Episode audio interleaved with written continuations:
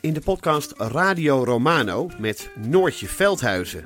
Met Marcel van Roosmalen. En met Roelof de Vries.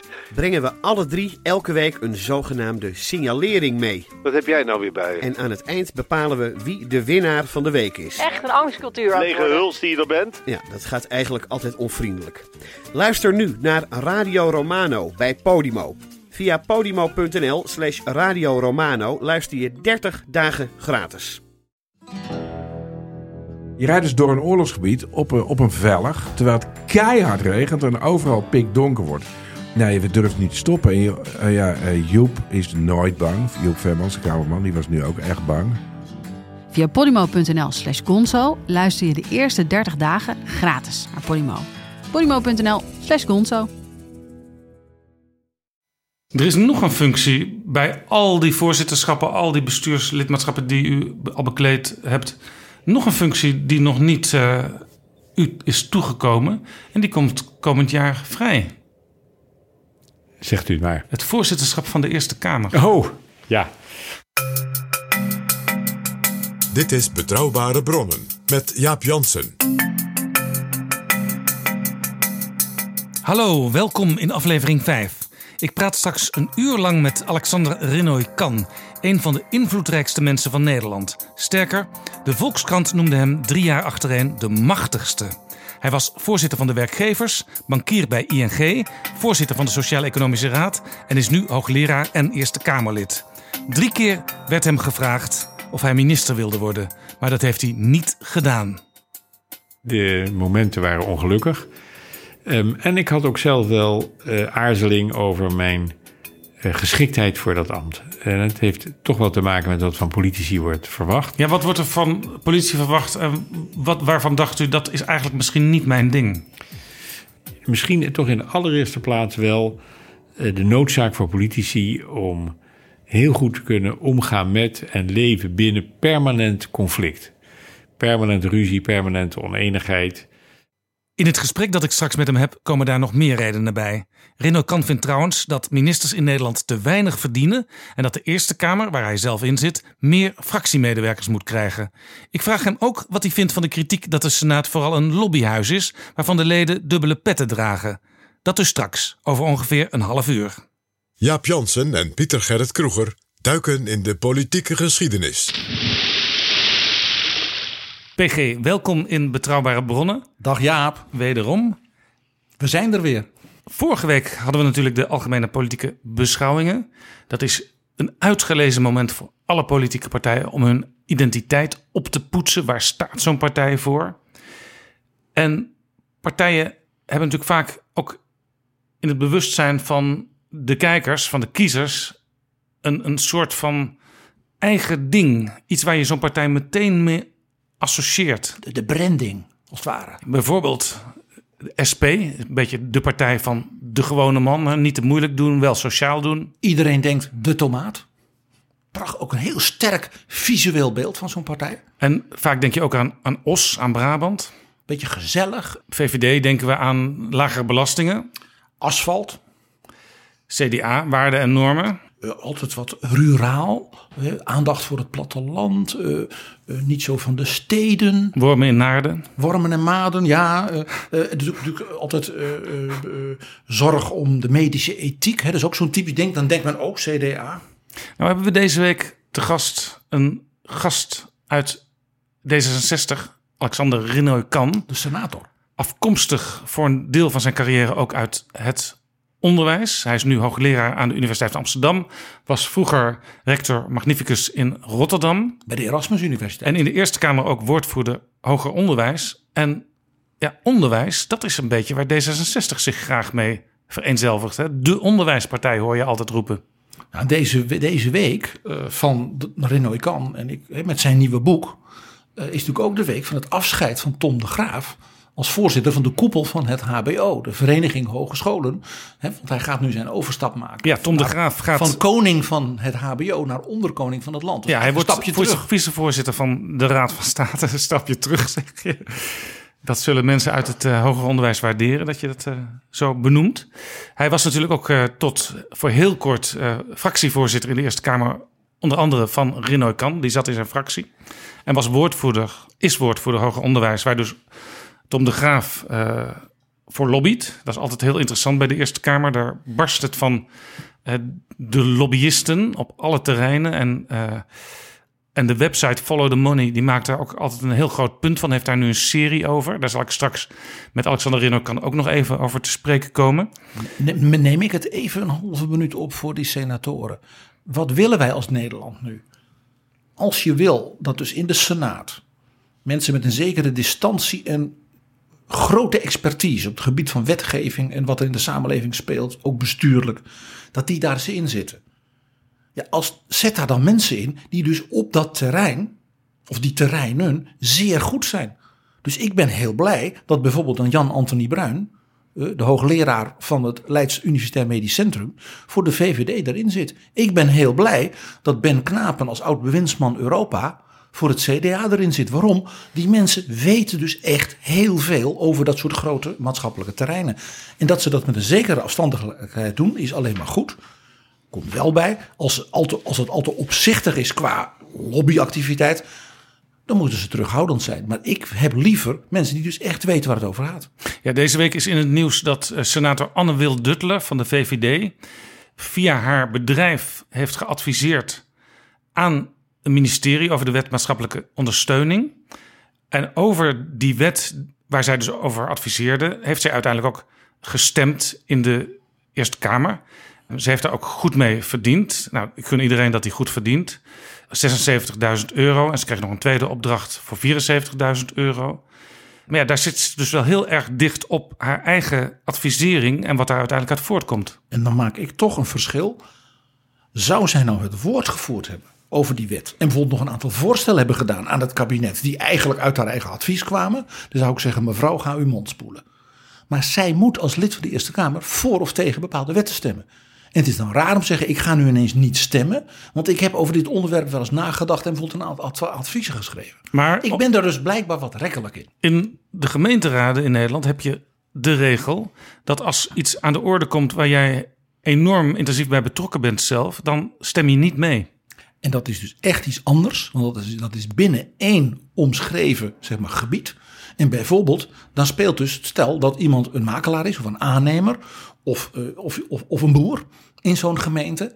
En die stemt over de grondpolitiek van die gemeente. Ja, dat is heel duidelijk. Dat is toch echt iets anders.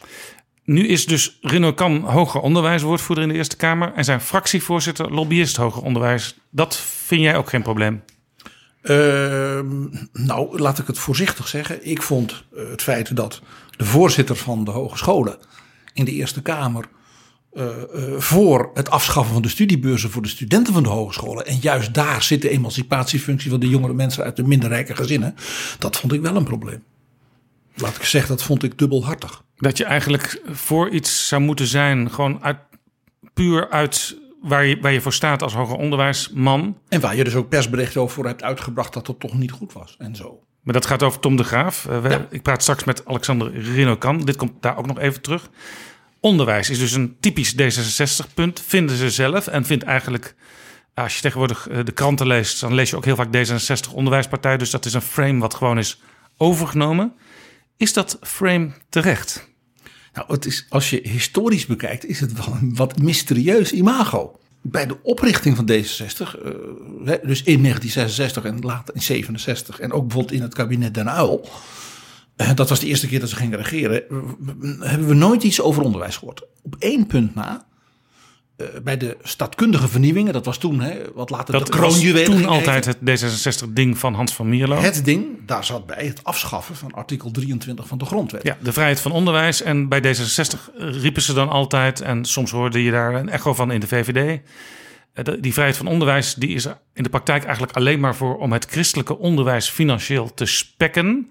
Sterker nog, zij krijgen zelfs meer, zij halen zelfs meer geld binnen dan het openbaar onderwijs.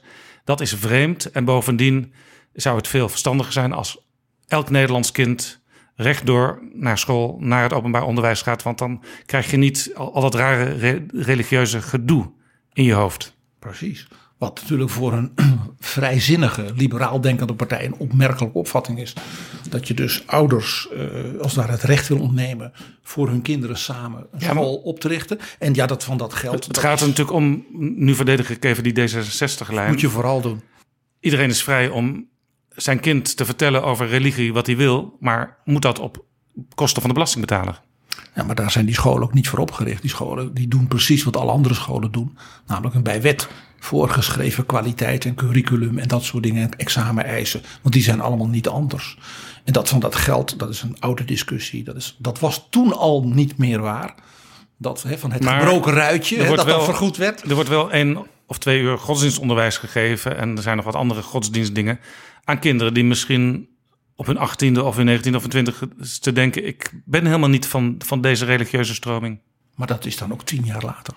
Ja, maar dan worden ze eerst wel daarmee volgestampt op school. Want het, dat volstampen gebeurt in Nederland. Kosten van de belastingbetaler. En overigens de openbare scholen zijn bij wet in het kader van dus de curricula van dat je in dit land opgroeit en iets weet van de cultuur en historie, krijgen ook les in geestelijke stromingen, dus over godsdienst. Het is allemaal, zoals wel vaker, wordt de soep niet zo heet gegeten als hij Nou ja, dat, daar moet ik wel één, kant, één aantekening bij maken, die jou ondersteunend in dit geval.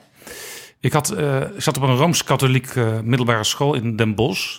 Het ene jaar had ik een, eh, een beetje conservatieve godsdienstleraar... die later ook vicaris-generaal is geworden bij het bisdom Den Bosch.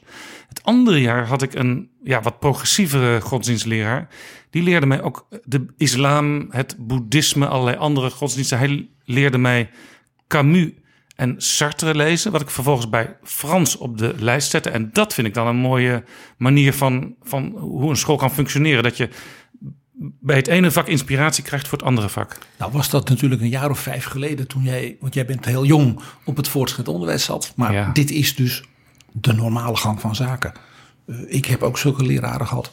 Ik, ging, ik zat op een goede protestant-christelijk lyceum. En wij gingen dus elk jaar in retraite in een klooster. Met andere woorden, Hans Met de van- in de tijd van Hans van Mierlo. Hans van Mierlo zelf, die trouwens op een Jezuïtenschool in Nijmegen heeft gezeten. Dus hij had als geen ander geprofiteerd van dat, van dat bijzondere onderwijs. Eh, Toen was dat eigenlijk een van de weinige D66-onderwijspunten. Dat artikel 23, daar moeten we vanaf. En dat zat dus in een breder pakket van eh, staatkundige vernieuwing. En dat was natuurlijk ook omdat D60 was opgericht om de oude zuilen, zoals ze dat zelf ook zeiden, op te blazen. Het was een explosieve partij. Die wilde vooral een hoop opblazen. Nou, eh, dat heeft dus verder tot weinig geleid. Eh, hè, dat artikel is eh, gebleven. Maar D66 was zeg maar in die, in die begintijd ook een kleine, relatief kleine partij. Het was geen CDA of Partij van de Arbeid die altijd ongeveer 50 zetels hadden in de Tweede Kamer. Nee, dat veranderde toen Paars kwam. Nou, het eerste Paarse kabinet was D66 gewoon nodig. Eh, hè, voor Ja, het eerste kabinet. Van. Mierlo dwong af dat de voormalige aardsvijanden Partij van de Arbeid en VVD samen met D66 dat kabinet vormden. Ja. En wat deed D66? Dat eiste natuurlijk de minister van Onderwijs als onderwijspartij met bijvoorbeeld een miljard of vijf extra investeringen. Het antwoord is nee, dat Dus niet. Ze, ze, ze, over zelfs niet binnenlandse zaken met al hun staatkundige vernieuwingsplannen. Nee, ze, wel, wel, wie, wie wel werd benoemd was Aad Nuis, de toneelcriticus. die werd staatssecretaris. toneelcriticus en dichter. En de man die de speeches vaak schreef voor eh, Van Mierlo. Die werd staatssecretaris Ja. op het ministerie van Onderwijs. En deed onder andere, eh, naast cultuur en media, ook hoger onderwijs. Dat leidde tot enorm gedoe.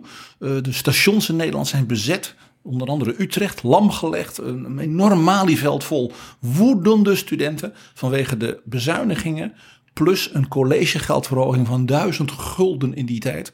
Kiesja Hekster, nu bekend van het NOS-journaal, was de vlammende leidster van de Landelijke Studentenvakbond. Eh, Het was dus feest voor iedereen die hield van demonstraties. Dus D66 kreeg eigenlijk de rol van beul op zich gelegd. Volledig. Eh Aap Nuis ging bijna kopje onder, doordat ook in de Kamer iedereen ja, onthutst was over eh, ik zeg maar, zijn onhandigheid hierin. Nuis, die door Jan Blokker de reusachtige Nuis werd genoemd. Ja, dat, dat was een uitdrukking overigens die kwam van Gerard Reven. Nog dit terzijde. Want die kent elkaar natuurlijk weer uit de Amsterdamse literaire wereld. En Gerard Reven hield niet van Aardnuis. En vooral ook niet van zijn recensies over Revens eigen Ja, want boeken. Aad Aad Nuis was in literatuurland heel machtig. Hij had elke week een recensie in de Haagse Post, wat toen nog een groot blad was. Jazeker. Nou, wat gebeurde er? De, de minister van Onderwijs, de PvdA, Jo Ritsen, die heeft toen Aad geholpen. Zoals een minister van een andere partij dat kan doen door namelijk de helft van zijn portefeuille af te pakken. Dus toen hield Nuis alleen cultuur en media over en een beetje nog wat onderzoeksportefeuille. En Nuis waarschijnlijk blij toe, want dan had hij niet meer die studenten tegen zich. Maar ja, hij ging nog wel over de conservatoria en de kunstacademies. En ja, die vallen dus in Nederland onder het HBO. Maar dat stond ook dicht bij zijn hart. Dat Kunst. dacht, dat dacht men. Maar ja, er waren financiële tegenvallers. En minister Ritsen, een buitengewoon sluwe financiënman, die heeft toen Nuis zover gekregen enorm te bezuinigen als compensatie op die conservatoria en die kunstacademies. Nou, dat leidde tot groot gedoe. Aad Nuis is ook niet teruggekomen als bewindsman na vier jaar. En een hele bijzondere coalitie in de Tweede Kamer, eh, namelijk die van Mariette Hamer van de PvdA, Camille Eurlings van het CDA en GroenLinks, die hebben toen zodra Nuis weg was ervoor gezorgd dat die bezuiniging op die kunstacademies en dergelijke werd teruggeschroefd. Dus, dus, dus grappig, wat, wat ja. je dus ziet, voor het eerst had D66 echt macht en deed dus op onderwijs alleen maar vreselijke dingen. Grappig genoeg, met een zeer zwakke bewindsman. Maar het was, in die tijd was D66 nog niet de zelfbenoemde en door anderen erkende onderwijspartij. Die conclusie moet je trekken. Ja. Nou, de, de volgende keer dat D66 dus echt wat te vertellen Dat was kreeg- eh, 2003, het kabinet Balken en de Twee. Ja, want toen, D66 had toen wel veel minder zetels dan onder Paars. Dat was trouwens het kabinet waar Tom de Graaf van het hoger onderwijs tegenwoordig ehm, vicepremier werd. Ja, en nou, ook toen weer waren dus onderhandelingen. D66 was nodig voor een vrij kleine meerderheid. Dus veel macht. Ja. Dus je zou verwachten, Je kunt kiezen wat je wil. Je krijgt het. vicepremier op onderwijs, 2 miljard erbij. Zoals jij eerder al zei, niet dus. Nee. Tom de Graaf werd vicepremier op een niet bestaand ministerie, wat wel spottend een lege dozen ministerie werd genoemd, voor staatkundige vernieuwing. Eh, ze, had- ze hadden dus alles kunnen kiezen. Ja, nou wat deden ze met onderwijs? Eh, eh, daar werd een staatssecretaris neergezet, Medi van der Laan. En wat deed zij? De portefeuille Nuis, cultuur Ja. en media. Medie over media. Ja. Ze werd later ook nog, kreeg ze in het bedrijfsleven een rol om het Mediapark te beheren. Dat is ook wel een hele merkwaardige volg- volgorde van zaken. Maar goed, zij, kreeg dus, zij kwam dus wel op dat ministerie, maar zij ging niet het onderwijs doen.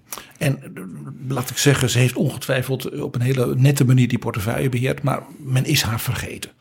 Eh, ook op dat Ja, ministerie. maar toen kwam er een moment, dat, dat naderen we nu, dat D66 het onderwijs wel ging claimen als belangrijk beleidspunt.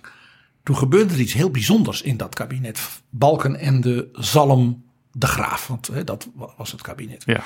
De Graaf die struikelde in de Eerste Kamer over een staatsrechtelijk vernieuwingselement. Dat is wel grappig, eh, een beetje een brekenbeen dus. En toen, ja, toen moest er dus een nieuwe vicepremier komen. Eh, een nieuwe minister op dat, op dat leeggedozen ministerie. Dat was een Alexander Pechtold. ja, die was toen partijvoorzitter van D66, burgemeester in Wageningen.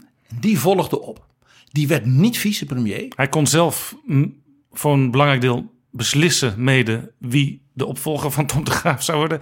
En toen benoemde hij zichzelf. Ja, en hij werd niet vicepremier. Dat werd de minister van EZ.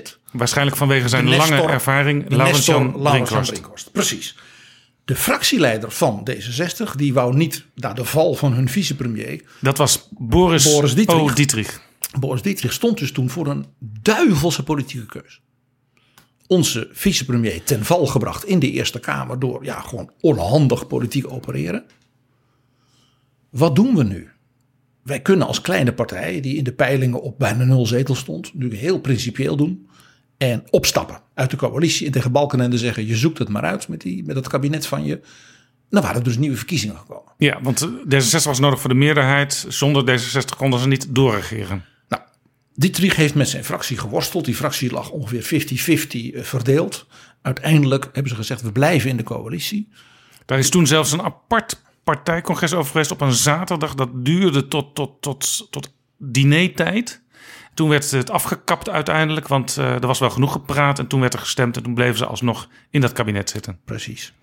En een van de dingen die Dietrich toen verlangde, als een soort ja, zoenoffer, was wat extra geld voor onderwijs. Ja, dat was een moment dat D66 ineens allerlei maatschappelijke eh, problemen ontdekte en daar nieuwe speerpunten van maakte. En het belangrijkste was inderdaad onderwijs. En milieu was ook belangrijk, Ja, ontwikkelingssamenwerking. milieu was natuurlijk altijd al bij D66, ook in de Familo en Terlouw-tijd. En dit had ook ermee te maken dat dus hun vicepremier voor staatkundige vernieuwing, dus het Hans van Mierlo-item, was gesneuveld in de Eerste Kamer over staatkundige vernieuwing. Dus ja, dat kroonjuweel moest maar, maar liever een tijdje zeg maar, ergens in een diepe laven Ja, want verbergen. toen kwam dus Alexander Pechtold als minister en die mocht nog een soort dis- nationale discussie gaan leiden. Maar dat is uiteindelijk geculmineerd in een dikke stapel papier waar we niet veel meer van gehoord hebben toen.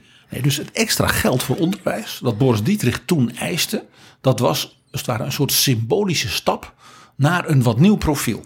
Het leuke was dat geld, dat was er. Want het kabinet wist ongeveer hoeveel ruimte men had. En er was een jonge bewindsman op het gebied van onderwijs. Die had een hele serie plannen, Maar die als het was- ware op een, op een plank liggen. Maar die was niet van D66, die jonge bewindsman op onderwijs. Nee. Die staatssecretaris. De minister was Maria van der Hoeven. Nou, die CDA. Had, die had natuurlijk al, al, want die was al langer minister, een aantal plannen. Maar die jonge, die jonge staatssecretaris, dat was een ambitieuze vent. Die had de zogenaamde begeisterungsagenda om Hoe studenten. heette die ook alweer? Mark Rutte. De man die nu premier is. Mark Rutte kon dus allemaal leuke nieuwe extra dingen doen voor wetenschap, voor studenten. Met dank aan de val van Tom de Graaf. En in feite zei Boris Dietrich dus, ambitieus om van D66 de onderwijspartij te maken. Mark Rutte, ga jij dat maar uitvoeren. En je zou bijna zeggen, omdat Mark Rutte dus door de val van Tom de Graaf dat extra geld kreeg en een stukje dynamiek extra kon brengen, dat hij hem achteraf nu als premier bedankt door hem te benoemen tot onderkoning. Nou viel dat kabinet. Dat, dat, dat gaat wel heel ver. Ik vind het een hele interessante eh, theorie. Het is geen theorie, het is een, het is een, het is een kleine. En als je heel snel door de Glimlach. geschiedenisboekjes die nog geschreven moeten worden bladert, dan zie je inderdaad dat verband. Dat kabinet van Balkenende, wat dus eh, staatssecretaris Rutte nog wat extra's mooie plannen liet doen. eh, ten gunste van eh, studenten en wetenschap en dergelijke. Dat viel alleen meteen weer. Want eh, Boris Dietrich die eh, werd daarna heel snel zelf in de D66-fractie ten val gebracht. Die partij zat in een diepe, diepe structurele eh, crisis.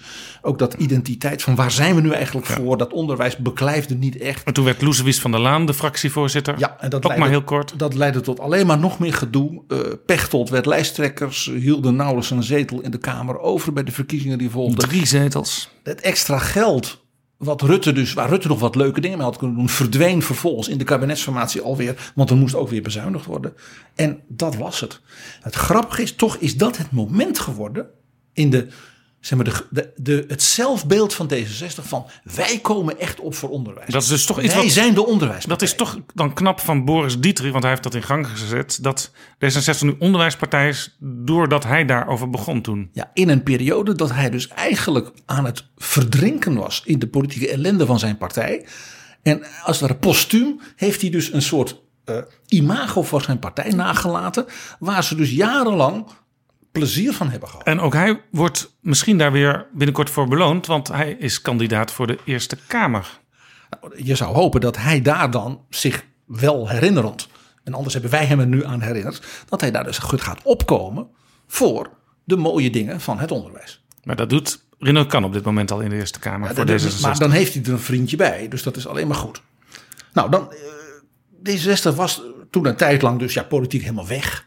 Eh, te klein, eh, ernstig verdeeld. Ja, maar er was, er was natuurlijk wel Alexander Pechtold die die partij langzamerhand weer boven Jan liet komen en boven Hafmo. En die ging samenwerken op allerlei terreinen met regeringspartijen om die regeringspartijen aan meerderheden te helpen. En een van die dingen was ook weer onderwijs. Ja, dat was dus onder het tweede kabinet Rutte. Mark Rutte was van staatssecretaris. Eh, eerst de overwinnaar over Rita Verdonk. Toen de oppositieleider en toen de premier. Met gedoogsteun van Wilders in Rutte 1. En Rutte Ja. 2 werd het kabinet van de VVD met de Partij van de Arbeid. met gedoogsteun van de reformatorische partijen en D66. Nou, voor die gedoogsteun eiste D66 helemaal het recept, Boris Dietrich dus, extra geld voor onderwijs. Daar hebben ze een enorm nummer van gemaakt. Iedereen die de onderwijscijfers kent, wist dat mevrouw Bussemaker, die minister van de PvdA, die Ja. was minister, dat die dus flink had moeten bezuinigen in haar begroting. Want ja, Nederland was hè, net als Griekenland bijna failliet. En dus dat extra geld van D66 was eigenlijk een soort douceurtje, waardoor dus die bezuiniging minder erg werd. Netto Ja. bleef zij inleveren. Dat was natuurlijk D66 riep natuurlijk, wij zitten niet in dat kabinet. Maar het was dus eigenlijk weer dat D66 een bewindspersoon van een andere partij te hulp kwam met geld voor onderwijs. Althans, de pijn dus minder groot maakte voor haar. Ja. Nou, dat moest worden onderhandeld met de vakbonden. Dat heette het Nationaal Onderwijsakkoord. Dat werd een drama, want de vakbonden eisten allerlei extra's in Natuurlijk, de salarissen. natuurlijk. Altijd meer willen en ze. Jeroen Dijsselbloem, die wij natuurlijk kennen uit eh, een eerdere aflevering van Betrouwbare Bronnen, als stre- streng maar rechtvaardig minister van Financiën, die zei van op deze manier ga ik het niet doen. Die heeft zelfs gedreigd toen dat hele onderwijsakkoord gewoon op te blazen. En dat extra geld van D66 voor onderwijs in zijn zak te steken. Terwijl Dijsselbloem toch ook weer een onderwijsdeskundige was, want hij heeft een rapport over het Nederlands onderwijs geschreven als Kamerlid. Maar hij kende misschien daardoor juist de wereld van het onderwijs goed. Namelijk dat je ze soms stevig moet aanpakken als het gaat om de centjes. En wij zijn geen gekke Henkie, zeg je dan. Exact. Nou, er was nog een ding dat dat kabinet deed. Dus, eh, hè, dus de, de, bij de bezuinigingen die werden dus wat gemitigeerd, zoals dat heette. En dat onderwijsakkoord dat kwam er dan toch nog wel. Gemitigeerd is een ander woord voor. Gematigd. Bezuinigd, maar minder erg. En er was nog een ding. Dat was echt een D66-ding. Dat was het afschaffen van de basisbeurs. Het zogenaamde sociaal leenstelsel. Het probleem was alleen, D60 was daar zo voor. Dat eigenlijk elk voorstel dat daarvoor op tafel zou komen. Bijvoorbeeld van het kabinet van mevrouw Bussemaker. Dat D66 daar automatisch voor moest zijn. Ze waren dus niet nodig voor de onderhandeling. Even voor de helderheid. Er was toen een stelsel en dat kwam erop neer. dat elke student een basisbeurs kreeg. Studenten uit arme gezinnen een aanvullende beurs. En ze bovendien daarbovenop konden lenen. Dat was dus een heel mooi stelsel voor de student in Nederland. En D66 had in het programma staan... eh, dat kan wel een tandje minder, Nee, dat schaffen we af. Want je kunt lenen... en later word je vanzelf succesvol, zeker in het hoger en het wetenschappelijk onderwijs. En dan kun je dat allemaal terugbetalen. En dat, daar leidt dus niemand onder, was de redenering. Ja, en dat was ook een ding waar met name Wouter Bos eh, binnen de PvdA heel erg voor was. Eh, en dus eh, de PvdA en D66 hadden om verschillende redenen waren ze voor zo'n leenstelsel. En de VVD werd dat ook. Maar dat was gewoon vanuit, vanwege de bezuinigingen. Ja. En dan werd gezegd, nou ja, dan kunnen we de, als ware het geld dat we wegsnijden, kan voor een deel dan terug naar bijvoorbeeld de universiteiten. Dus partijen als de Partij van de Arbeid, eh, die zich, een partij natuurlijk die zich altijd op het sociale laat voorstaan, ook weer zo'n frame, die steunde nu wel deze nieuwe koers. Ja, dus, wat je, wat, dus er ontstond een hele spannende situatie in de Kamer. Nou, mevrouw Bussemaker kwam met een leenstelselvoorstel, wat Wouter Bos had bedacht. De VVD was ervoor, want dat bezuinigde. D66 was ervoor, want het stond in hun programma, maar ze hadden geen meerderheid. En toen heeft Jesse Klaver, Van GroenLinks, Van GroenLinks. toen nog gewoon nieuw Kamerlid. die is toen bij het, de VVD'er Pieter Duisenberg, de financieel specialist, thuis op zijn. eh, eh, het verhaal gaat dat, de, dat ze op het eh, eh, zonneterras zaten. En maar dat dan wel de terrasverwarming aan was, wat natuurlijk niet heel erg GroenLinksig is. En die hebben een deal gemaakt. Maar het kan wel de feestvreugde verhogen. En die deal, daar kon dus D66 geen nee tegen zeggen. Want ze waren voor zoiets. Eigenlijk werd D66 geconfronteerd met een deal die buiten hen om was gesloten. En ook de minister, mevrouw Bussemaker, kreeg dus te horen dat de VVD en GroenLinks een deal hadden over iets waar zij over ging. En daarmee was er een meerderheid. Die VVD die eigenlijk alleen maar uit bezuinigingsoverwegingen pragmatisch voor dat nieuwe plan was. Die dealde dus met GroenLinks. Wat trouwens ook opmerkelijk was dat die voor zo'n heel nieuw stelsel waren. Want GroenLinks had, heeft natuurlijk ook veel studenten in de achterban, net als eh, D66. Ja, en daar was het idee, eh, het was toch onrechtvaardig dat eh, dochters en zonen van zeg groepen, de middengroepen en ook hogere inkomens, als die, hè, als die gaan studeren, dat zij dan een beurs krijgen van de belastingbetaler. Maar de redenering bij andere partijen was, bijvoorbeeld het CDA, eh, dan werp je wel een drempel op bijvoorbeeld voor de dochter van de bakker, die, ja, die wil ook studeren. En Nou, en daar speelde nog een heel eenvoudig thema. Dat speelde al bij de invoering van de basisbeurs. Dat was, die jongeren zijn 18 jaar en ouder. Die blijven niet eeuwig de dochter van de notaris, de zoon van de bakker. Dat zijn zelfstandige, volwassen mensen die mogen stemmen, die mogen autorijden. En wij willen stimuleren als samenleving dat zij hun talent optimaal gebruiken. En niet van tevoren denken, nou, als het me niet lukt, ben ik straks arm. Ja, dus geef je ze een push door ze een beginbedrag te schenken. Dat was het idee. Nou, er werd dus een miljard bezuinigd op die beurzen. Ja. Er werd ook nog 200 miljoen Maar dat was bezuinigd op de, op de Ja. OV-studentenkaart. Ja, maar de- die bezuinigingen, daarvan werd gezegd, die blijven in het onderwijs. Want daarvan, dat geld gaan we gebruiken, dat besparen we op die, dat leenstelsel. Gaan we gebruiken voor verbetering van de kwaliteit van het onderwijs. Ja, dat was de belofte ook van bijvoorbeeld de Onderwijspartij. En ook van mevrouw Bussemaker. Dus hoera, de vlag kon uit. De vlag kon uit. eh, wel een heel klein vlaggetje. Want eh, dat geld was er niet.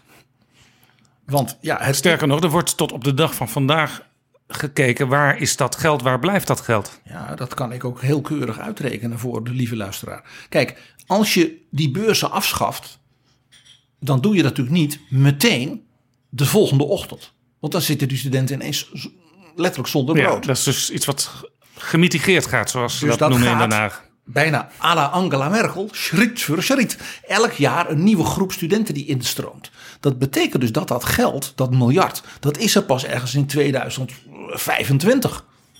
Ah, Tot dat moment is dat er niet. Nou, dit was de situatie. Er zou er geld komen, maar ooit, hè, in de toekomst. Er moest gesneden worden in de tussentijd in die kaart van de studenten. GroenLinks wou nou juist die kaart houden en daarom had GroenLinks meegedaan. Ja. En vervolgens komt Rutte 3. En mevrouw Bussemaker wordt opgevolgd door een D66-minister. Dit is dus een historisch moment. Voor het eerst sinds 1966 heeft D66 een bewindspersoon echt van onderwijs. Ingrid van Engelshoven, oud D66 partijvoorzitter, net als Alexander Pechtold, die ook na dat voorzitterschap minister werd. Inderdaad.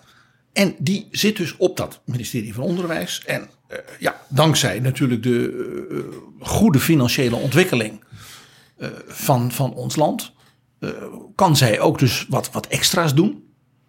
Nou, eh, weet je, de leraren staken en zijn allemaal boos, want ze willen meer salaris en ze willen meer dit en ze willen meer dat. Begrijpelijk. Ja, je want- hebt in Nederland op dit moment PO in actie en WO in En actie. VO in actie en eh, iedereen, Iedereen in actie. in actie. Iedereen in actie. Dat is goed, want ik ben erg voor een, een onderwijs dat activistisch is en dynamisch is en er, eh, een hart voor de zaak heeft. Dus dat is een goede zaak. En de minister heeft ook vandaag gezegd dat ze die acties van de universiteit en hogescholen studenten die sympathiek vindt. Dat, dat valt dan weer verkeerd, want het is namelijk een actie tegen haarzelf. Ja. Ach, zo gaan die dingen. En het kost geld uiteindelijk. Ja. Wat je maar niet hebt. D66 heeft dus nu een minister. Maar ja, nu heeft die minister dus echt een probleem. Want dat miljard wat dus D66 heeft beloofd, hè, dat komt pas later. En ja, goed rekenen is ook een kunst. Eh, Dat miljard is helemaal geen miljard. Want er zit dus al 200 miljoen van die kaart die eraf gaat. Daar zit er weer een tegenvaller in van 200 miljoen. Nou, eh, de oud-chef van het HBO, de financiën, heeft er doorgerekend. En die kwam tot een bedrag dat nooit meer zou kunnen zijn dan 600 miljoen. Maar nou is het komische, er is dus echt groot geld tekort, wat eigenlijk iedereen al op zijn rekening had bijgeschreven. Dat de, de opperlobbyist van het hoger onderwijs, die deze week afscheid heeft genomen, in een afscheidsinterview in het dagblad Trouw, daar ook een opmerking over heeft gemaakt. Ja, het, het, is, het is voor de onderwijspartij D66 natuurlijk hartstikke lastig. Je hebt een minister in een tijd dat je denkt er komt extra geld. Eh, Er komt er ook nog dat miljard, hè, dat stond op de plank, dat komt nu naar die mensen toe. Het antwoord is nou nee, want dat valt dus tegen. En, dat En het onderwijsveld voelt nattigheid. Waar is dat geld? En die worden natuurlijk die worden ongerust en nerveus. En ja, die hebben natuurlijk ook weer onderling natuurlijk beloofd... als dat geld komt, dan gaan we wat extra doen voor jou als docent of voor jou als student. En ja, geduld is natuurlijk bij burgers in tijden van voorspoed niet hun eerste eigenschap. Nou, wat gebeurt er dus nu? Eh, mevrouw eh, van Engelshoven heeft dus financieel de nodige perikelen. En dat is dus historisch gezien is dat natuurlijk interessant. Een minister die het dus ontzettend moeilijk heeft, omdat ze meer geld krijgt. En blijkbaar niet een soort, mag ik zeggen, handigheid heeft in hoe, hoe, hoe, hoe ga je daarmee om? Hoe zorg je dat je bij die groep en bij die groep begrip wekt voor? Je krijgt wat meer, we doen wat stappen de goede Ja. kant op. Kan niet Komt alles kan eraan. in één keer. Schriet voor schriet. schritt voor schritt. Ja, mevrouw van Engelshoven zou natuurlijk van Angela Merkel, maar wie niet, heel veel kunnen leren. Nou, wat is er gebeurd? In de tussentijd heeft de minister geprobeerd een soort afleidingsmanoeuvre, want dat was het toch wel een beetje, bij de opening van het academisch jaar. Dan heeft ze een soort uh, gebaar gemaakt naar de studenten, dat de studenten minder snel, als het ware, uh, van de universiteit gestuurd worden omdat ze niet hard genoeg werken. En dat heet het bindend studieadvies. De universiteiten en de hogescholen, dus de bobo's, die zijn dus woedend op de minister. Waaronder ook hun voorzitter. En dat is, je raadt het al, Tom, Tom de, Graaf. Ik lees even voor. Uit Trouw. De woorden van Tom de Graaf. Zij vond dat ze dat niet moest bespreken, maar zij zei... Ik Tom de Graaf dus over Ingrid van Engelshoven. Zijn partijgenoot. Ze zei, ik ga het zo bepalen. Dat is echt een inbreuk op de bestuurlijke verhoudingen zoals we die gewend zijn. Een punt dat zulke grote gevolgen heeft. Gooi je niet onverwacht en zonder vooraankondiging in de pers. Bovendien heeft de minister op Kamervragen gezegd dat ze wat dit betreft geen stappen zou zetten zonder overleg met de universiteiten en de hogescholen. En we hebben akkoorden gesloten met de minister. Daarin heeft ze met geen woord hierover gerept. De ene opleiding heeft nu eenmaal meer werkdruk dan de andere, dus wij moeten dat zelf kunnen bepalen. Dat is bij het afscheid van zeg maar, de chef van al die hogescholen tegen zijn partijgenoten, de minister, natuurlijk een draai om de oren, zoals het niet zo vaak hebben meegemaakt in onderwijsland. Kanttekening hierbij is wel dat bij alle kritiek die je op de Eerste Kamer en Eerste Kamerleden kunt hebben, Tom de Graaf die is dus opperlobbyist voor het hoger onderwijs. Tot deze week was hij dat. In zijn afscheidsinterview geeft hij de minister een draai om de oren. Hij laat dus wel zien dat hij hier eventjes die D66-pet opzij heeft gelegd. Hè? Dus in die zin kun je wel onafhankelijk zijn. Dat, dat, bij het punt waar we het eerder over hadden, over de onafhankelijkheid van Eerste Kamerleden, eh, kun je eigenlijk zeggen dat Tom de Graaf hier bij zijn vertrek uh, nog een, een, een, lesje geeft, een schoolvoorbeeld van onafhankelijkheid. Ja, ten koste in dit geval van mevrouw Ingrid van Engelshoven, de minister van Onderwijs van D66. De onderwijspartij. Nou, wat je dus ziet, dit is een voorbeeld van één partij die dus in de historie als het ware zo'n soort imago ontwikkelt. Feitelijk dus maar één keer, en dat is net nu, een bewindspersoon van enig gewicht op dat terrein heeft. En dat is dus een soort branding waarvan je moet zeggen dat is eigenlijk heel knap. En wie daar dus bijzondere uh, verdiensten bij heeft, is de zo snel gesneuvelde Boris Dietrich. Ik denk dat ik dit voorbeeld, dit hele concrete voorbeeld van Ingrid van Engelshoven met Tom de Graaf tegenover zich, dat ik dat straks ook eventjes aan Alexander Rinoy-Kan uh, moet voorleggen. Want ja, die staat natuurlijk midden in die partij en die kent beide ook heel goed. En ben heel benieuwd hoe hij daarnaar kijkt. We hadden nu D66 hebben we behandeld. We gaan natuurlijk alle andere partijen ook nog behandelen. Uh, bijvoorbeeld ook het CDA, de Partij van Waarden en Normen, zeggen ze altijd zelf.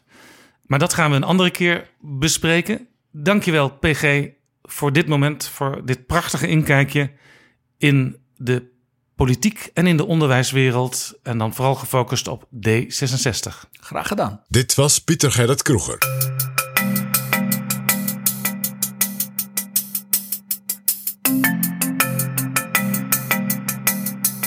Mijn belangrijkste gast in deze vijfde aflevering van Betrouwbare Bronnen is Alexander Renoy Kan. Nu hoogleraar economie en bedrijfskunde aan de Universiteit van Amsterdam en Eerste Kamerlid voor D66. En in bijna zijn hele loopbaan een van de invloedrijkste mensen van Nederland. Dit is Jaap Jansen met Betrouwbare Bronnen. Alexander Renoy Kan, welkom in Betrouwbare Bronnen. Afgelopen week verscheen Bordjesduiken, ervaringen van een optimist bij uitgeverij Balans. Als ik er doorheen blader, ik zie, ik begin eigenlijk altijd aan het einde van een boek, maar ik zie geen namenregister. Dat klopt. En dat was ook niet nodig, want er staan niet zo verschrikkelijk veel namen in. Dat is wel een keuze die je als schrijver van dit boek aan het begin van de rit maakt. Want als je veel namen noemt, moet je eigenlijk maar direct proberen alle namen te noemen.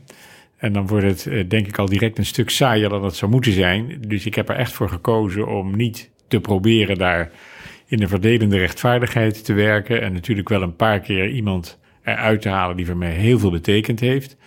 Maar in die zin velen teleur te stellen dat ik geen complete optelling en opsomming geef van iedereen die ik ben tegengekomen op allerlei belangrijke plekken.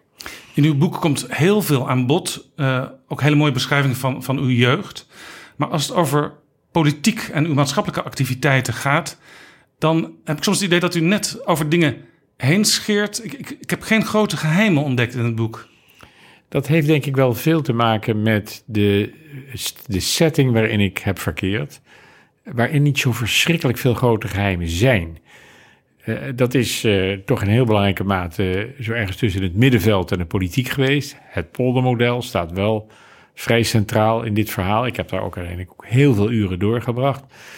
En er zijn wel vertrouwelijke gesprekken, maar uiteindelijk wat er uitkomt is behoorlijk openbaar. En het is ook heel moeilijk om dingen Ja, maar ik ben juist aan die vertrouwelijke dingen, daar ben ik altijd benieuwd naar als ik zo'n zo'n boek met herinneringen lees. Dat zijn vooral mislukkingen. Want vertrouwelijke gesprekken die tot iets leiden, worden op enig moment niet vertrouwelijke gesprekken. Maar een kracht van het poldermodel, vond ik zelf in ieder geval, dat je ook heel goed met elkaar kon spreken en kon afspreken dat als er niks mee zou gebeuren, het niet naar buiten zou komen. Ja, dat was vooral ook bij de Sociaal-Economische Raad, hè, waar u Ja. voorzitter was. Ja, Want daar verkende je op allerlei momenten mogelijkheden. ja, Maar dan moet je dus ook mensen uit de vakbeweging en uit de werkgeverskringen tot, tot dingen bereid laten worden. ja. En dan werkt het vaak zo dat je mensen ruimte biedt om te vertellen wat ze misschien zouden willen of misschien voor elkaar zouden kunnen krijgen. En afhankelijk van de reactie daarop ga je dat dan wel of niet met elkaar proberen. Maar als ook al direct duidelijk is dat het de moeite toch niet waard is, dan heb je eh, moeite gedaan, eh, maar niet al te lang. En dan is het ook heel prettig dat je tegen elkaar kunt zeggen: dan is wat mij betreft dit gesprek ook een gesprek zonder notulen, wat geheim is en geheim blijft. Ja, want en daar wil ik me dan ook wel aan houden, ook achteraf. toen u net eh, bij de SER zat, toen had u een gesprek met eh, Henk Hofstede, die toen de voorzitter van het CNV was, de christelijke eh, vakbeweging. En daar refereerde u op een bepaald moment aan en toen keek iedereen heel verschrikt van, Ja. want dat had nooit naar buiten mogen komen. Dat ging over de arbeidsongeschiktheid toen. Ja, dat is al wel eh, lang geleden, moet ik bekennen. Maar het is nog steeds wel een thema. Maar toen was het een, niet alleen een thema, maar het grote thema. Nederland was onderweg, dat was toen de leus, hè, naar een miljoen arbeidsongeschikten. Dat is natuurlijk ook een verschrikkelijk aantal. Lubbers zei Nederland is ziek en die zei zelfs, ik vertrek als dat miljoen Ja. bereikt wordt. Dat heeft hij later toch maar weer even eh, geparkeerd. Maar de zorg was authentiek en ja, niet alleen bij hem. Met die regelingen ging van alles mis. Met name ging er ook mis dat werkgevers en werknemers samen nog wel eens zo'n regeling wilden benutten. Om op een of andere manier iets aan te vullen op afvloeingsregelingen. Dat Ja, was dat, helemaal dat, niet was, de dat bedoeling. was eigenlijk het, toch een beetje gênante van die oude WHO. Ja, Eh, mensen die wat, wat minder productief werden, die kregen een hele riante afvloeingsregeling en de samenleving mocht dat betalen. althans betaalde eraan mee. Niet in zijn eentje, maar betaalde eraan mee. Ik zeg niet dat het altijd onterecht gebeurde, maar ik zeg wel dat het in de optelsom daar dingen ook wel verklaarde waarom die regeling zo ontzettend duur werd. Dus er moest echt iets gebeuren. Ik was nog maar net betrokken, dus ik kon er met een soort onbevangenheid naar gaan kijken. En ik zag toen samen met Jan-Willem van der Braak, die al heel lang eh, een waarnemer en speler was op dit terrein. Want en zijn rol was, hij werkte bij VNO. Ja.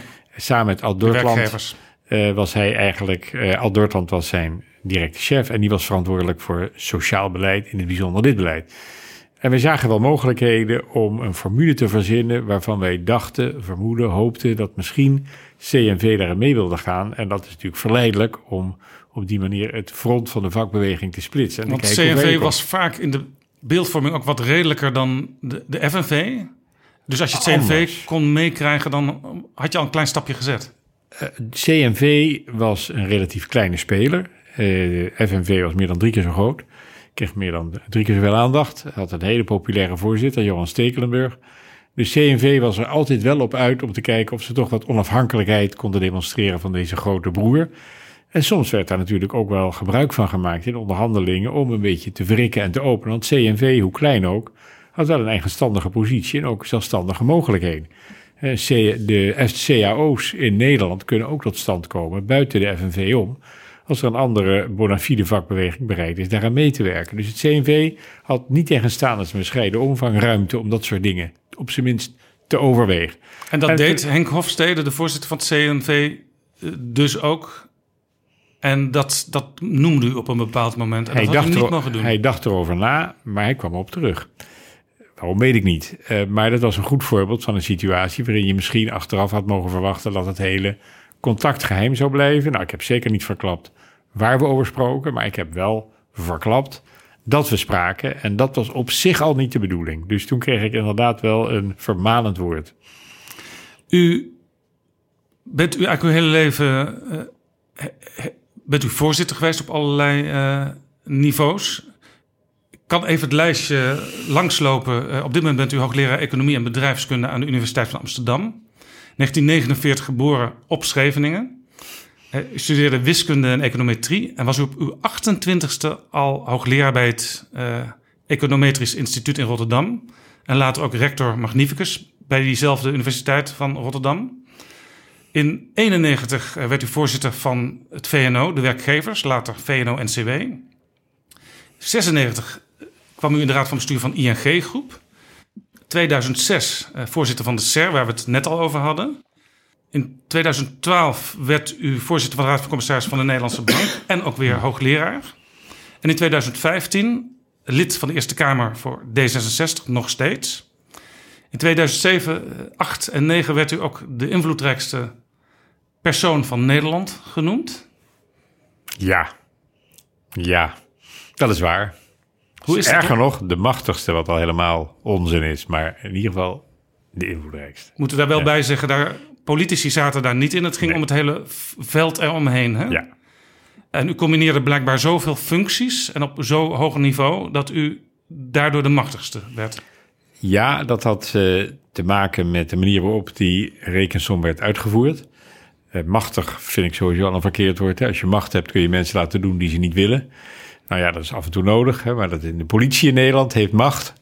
Maar veel mensen hebben invloed. Uh, en ik had zeker invloed, dat ontken ik ook absoluut niet. En dat had natuurlijk heel veel te maken met zijn hoofdfunctie. Want de Sociaal-Economische Raad, wat je er verder ook van vindt, is een plek waarin je op heel veel momenten een duwtje kunt geven in een jouw welgevallige richting. Dus invloed heb je zeker.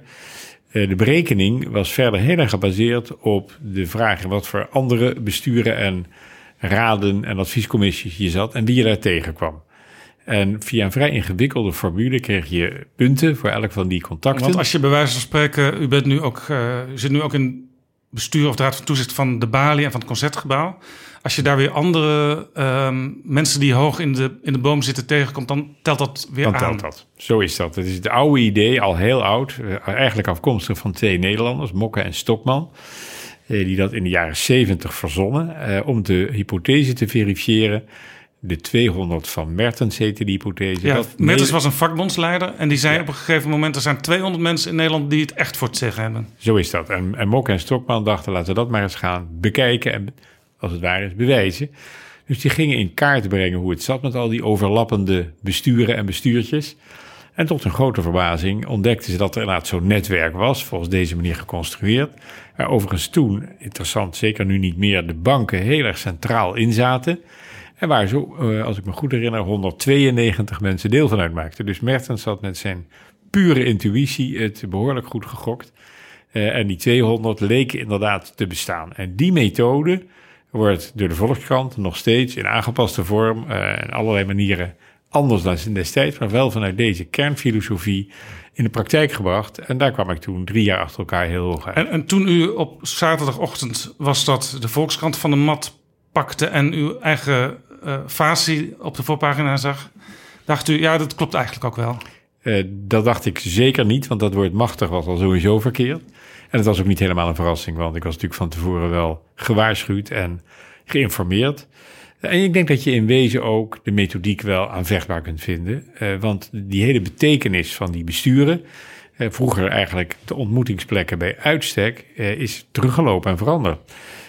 Vergaderen is minder frequent dan het was. Heel veel gebeurt per telefoon. Je hebt buitenlandse bestuurders die in en uitvliegen. Die passen ook niet zo goed in dit denkmodel.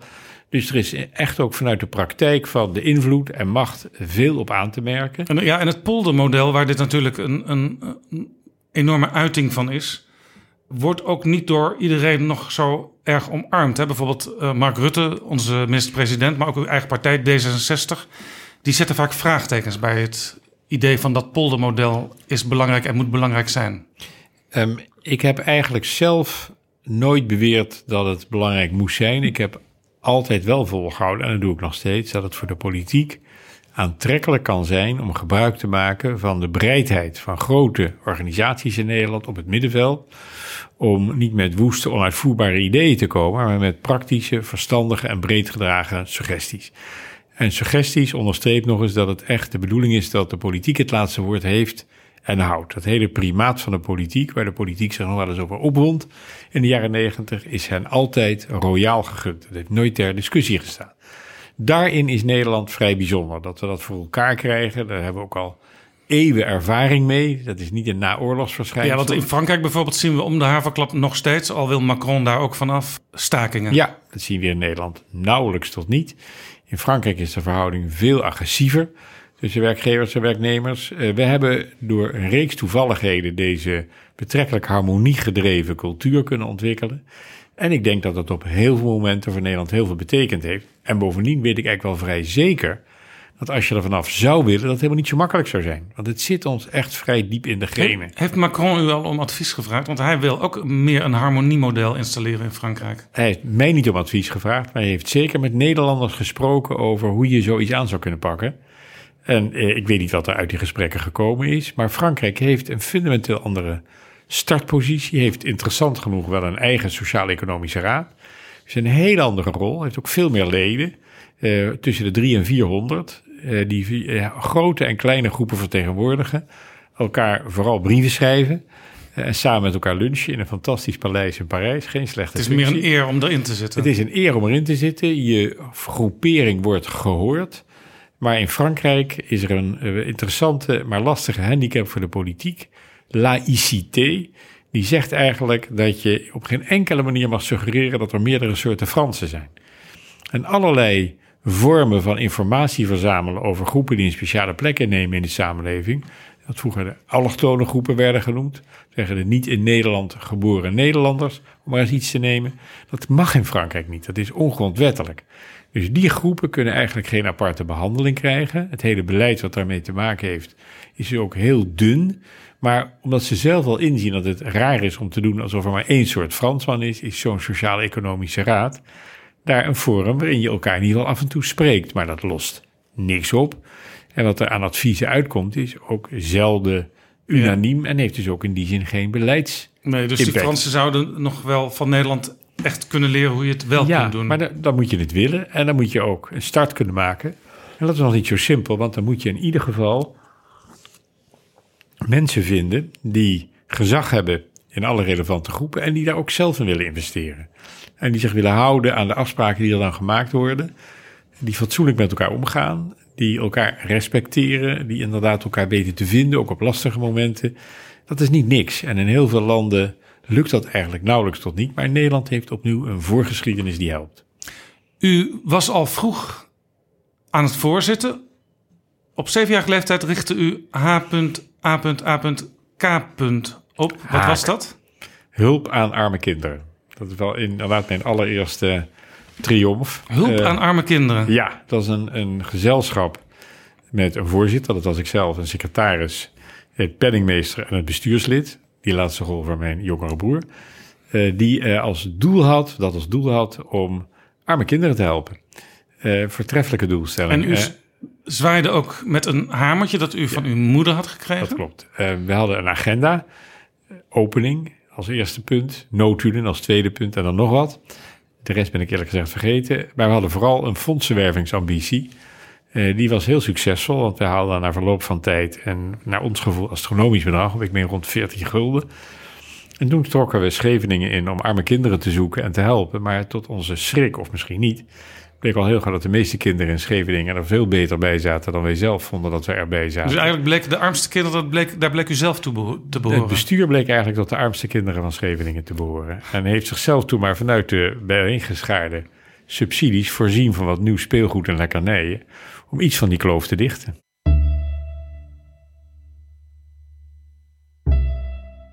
Dit is Betrouwbare Bronnen, een wekelijkse podcast met betrouwbare bronnen.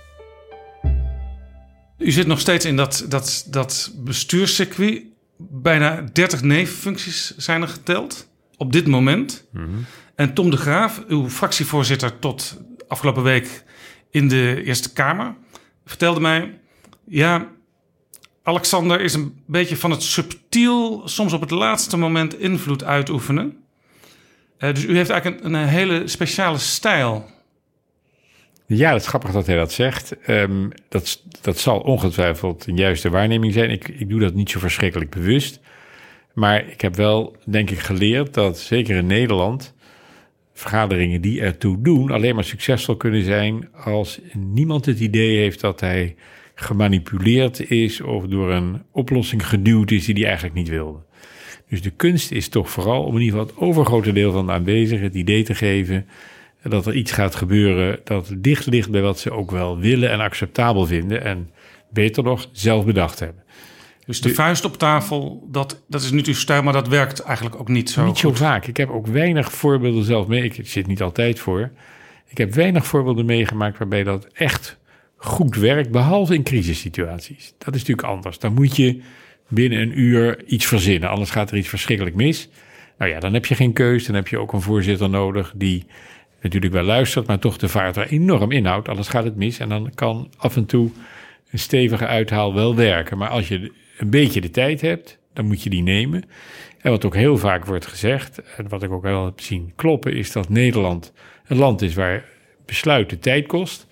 Als het besluit genomen is, dan is de uitvoering ook veel en veel sneller dan elders. Dus we lopen die tijd wel weer in. Het kost tijd om iedereen aan boord te krijgen, maar als iedereen aan boord is, gaat het gauw. En, en kan er haast gemaakt worden. In andere landen kun je misschien snel besluiten. Een voorzitter die met twee vuisten op tafel slaat. Maar als je dan gaat uitvoeren, dan gaat het weer moeilijk. Want dan heeft iedereen toch uiteindelijk bij nadering die bezwaren, problemen, moet toch allemaal een beetje geadresseerd worden. Maar soms, ondanks die fluwele handschoenenstijl die u hanteert, gaat het missen. Want dan loopt bijvoorbeeld plotseling de werkgeversvoorzitter uh, weg. Het ging op een gegeven moment over uh, de AOW-leeftijd. En windjes van de werkgevers, die kapte plotseling met de onderhandelingen. En Agnes Jongerius, toen van de FNV, riep tuig van de richel voor Ja. de camera. Ja, ja, voor de microfoon geloof ik hoor. Maar toch voor iedereen wel hoorbaar. Dat was niet de bedoeling. Eh, en, en ook zeker niet haar bedoeling dat dat door iedereen gehoord zou worden. Maar dat gebeurde wel.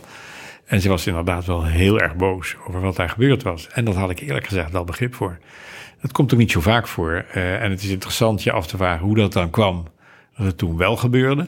Maar het gebeurde. eh, de hele zaak lag plat op het laatste moment. Vijf voor twaalf. Bijna letterlijk ook vijf voor twaalf. Dus eh, tot ieder schrik gebeurde er helemaal niks. Eh, en ik bleef eigenlijk achter met de brokstukken en eh, was somber over het vermogen van de polder om daar snel van te herstellen. En het goede nieuws is dat een paar dagen later, toen we bij elkaar weer troffen en ik met enige nervositeit uitzag naar wat er toen zou gebeuren, eigenlijk iedereen doorhad dat hoe dan ook toch samen verder moest en verstandige dingen zei over hoe dat zou kunnen. Ja, want voor hetzelfde geld zegt de politiek... we hebben jullie adviezen niet meer nodig, we bepalen het zelf wel. Zeker, en de politiek kan dat natuurlijk altijd zeggen, maar de politiek eh, heeft ontdekt dat het voor veel beslissingen wel erg handig kan zijn om een paar grote bondgenoten in de samenleving te hebben. Bijvoorbeeld werkgevers en werknemers die groot en goed georganiseerd zijn in Nederland. En dat maakt ook precies de uitruil interessant. De politiek kan dat goed gebruiken. En dat maakt het voor werkgevers en werknemers de moeite waard om het ook te proberen, want ze krijgen er invloed voor terug. Alleen, je moet over en weer wel van elkaar op aankunnen. De politiek moet niet selectief winkelen, eh, want dan gaat het mis. En werkgevers en werknemers moeten inderdaad ook wel bereid zijn met plannen te komen die realistisch zijn en die eh, een beetje aansluiten bij wat- wat ze weten dat haalbaar is. Als je veel eh, functies hebt eh, en dus veel invloed hebt... eh, dan komt er soms ook kritiek. Hè? Er is nu bijvoorbeeld eh, de website Follow the Money. Die schrijft eh, een aantal artikelen over Eerste Kamerleden. En die rekenen dan uit... er zijn 75 senatoren, die hebben bij elkaar 439 nevenfuncties. En bijna de helft van die functies overlapt weer met onderwerpen die die senatoren in portefeuille hebben. En ze zeggen daarbij: wiens brood men eet, wiens woord men spreekt. Klopt dat? Bij mij, bij mij niet in ieder geval. Eh, en bij mijn fractie ook niet. En ik vraag me ook af of het überhaupt klopt, want eh, er zijn een aantal dingen die hier door elkaar heen spelen. In de eerste plaats natuurlijk heeft ieder Eerste Kamerlid heeft andere activiteiten, want het is een parttime functie. Dat kan dus ook niet anders. Dat is ook zo bedoeld. Het wordt ook maar voor ongeveer één dag in de week betaald. Zeker. Dus je moet er wel wat naast doen. Ehm, en dat doet dus ook iedereen. En nogmaals, dat is ook de bedoeling, want het idee is dat de ervaring die je daarbij opdoet, de betrokkenheid die je daarbij opdoet, dat die ook nuttig is voor het werk van de Eerste Kamer zelf. Er is deskundigheid. Ja, dus het is juist goed dat er iemand zit die hoogleraar is, dat er iemand zit die bij een verzekeraar actief is, uh, Zeker. et cetera, et cetera. Zeker, brede variatie is goed. Ehm, dat is één kant van de zaak. En uh, nu is er natuurlijk ook zoiets als belangenverstrengeling. Uh, en dat betekent dat je heel goed moet uitkijken hoe je het proces binnen de Eerste Kamer zelf regelt. En vrijwel alle fracties, zeker die van D66, zorgt ervoor dat degene die uh, een belang heeft, en dat kan heel evident zijn of enigszins op afstand zijn, uh, niet de woordvoerder is als het beleid ter sprake komt dat raakt aan dat belang. Dus om het concreet te maken, uw fractiegenoot, tot deze week fractievoorzitter Tom de Graaf, is uh, opperlobbyist van het hoger onderwijs. Ja. Maar u bent de woordvoerder hoger Zo onderwijs. is dat. En dat geldt eigenlijk voor alle andere voorbeelden net zozeer. En wat betekent dat nu weer in de praktijk? Dat betekent dat als wij dan voorbereiden op aan het ingeven van de woordvoerder wat we als standpunt gaan innemen, dat dan er ruimte bestaat voor degenen die een voorgeschiedenis hebben, betrokken zijn, het veld heel goed kennen, te zeggen wat ze ervan vinden, maar dat het daartoe beperkt blijft en dat de fractie in totaliteit zijn mening opstelt en dat namens de fractie die mening wordt uitgedragen. Het komt ook bijna nooit voor dat fracties verdeeld stemmen. Ze hebben eigenlijk altijd één standpunt en dat is ook zo goed als altijd het standpunt van de woordvoerder. Dus uh, het is een opgave om de combinaties goed en zuiver te krijgen. Enerzijds betrokkenheid de, uh, en tezelfde tijd zuiverheid in het debat. Maar ik denk eerlijk gezegd dat we dat met succes doen en dat uiteindelijk het ook iets oplevert wat meerwaarde toevoegt. Nou is op dit moment in het nieuws uw collega van de VVD, senator Anne-Wil Duttler. Zij heeft een bedrijf waarin ze adviezen geeft. Er werd ook haar om advies gevraagd door het ministerie van Volksgezondheid, Welzijn en Sport.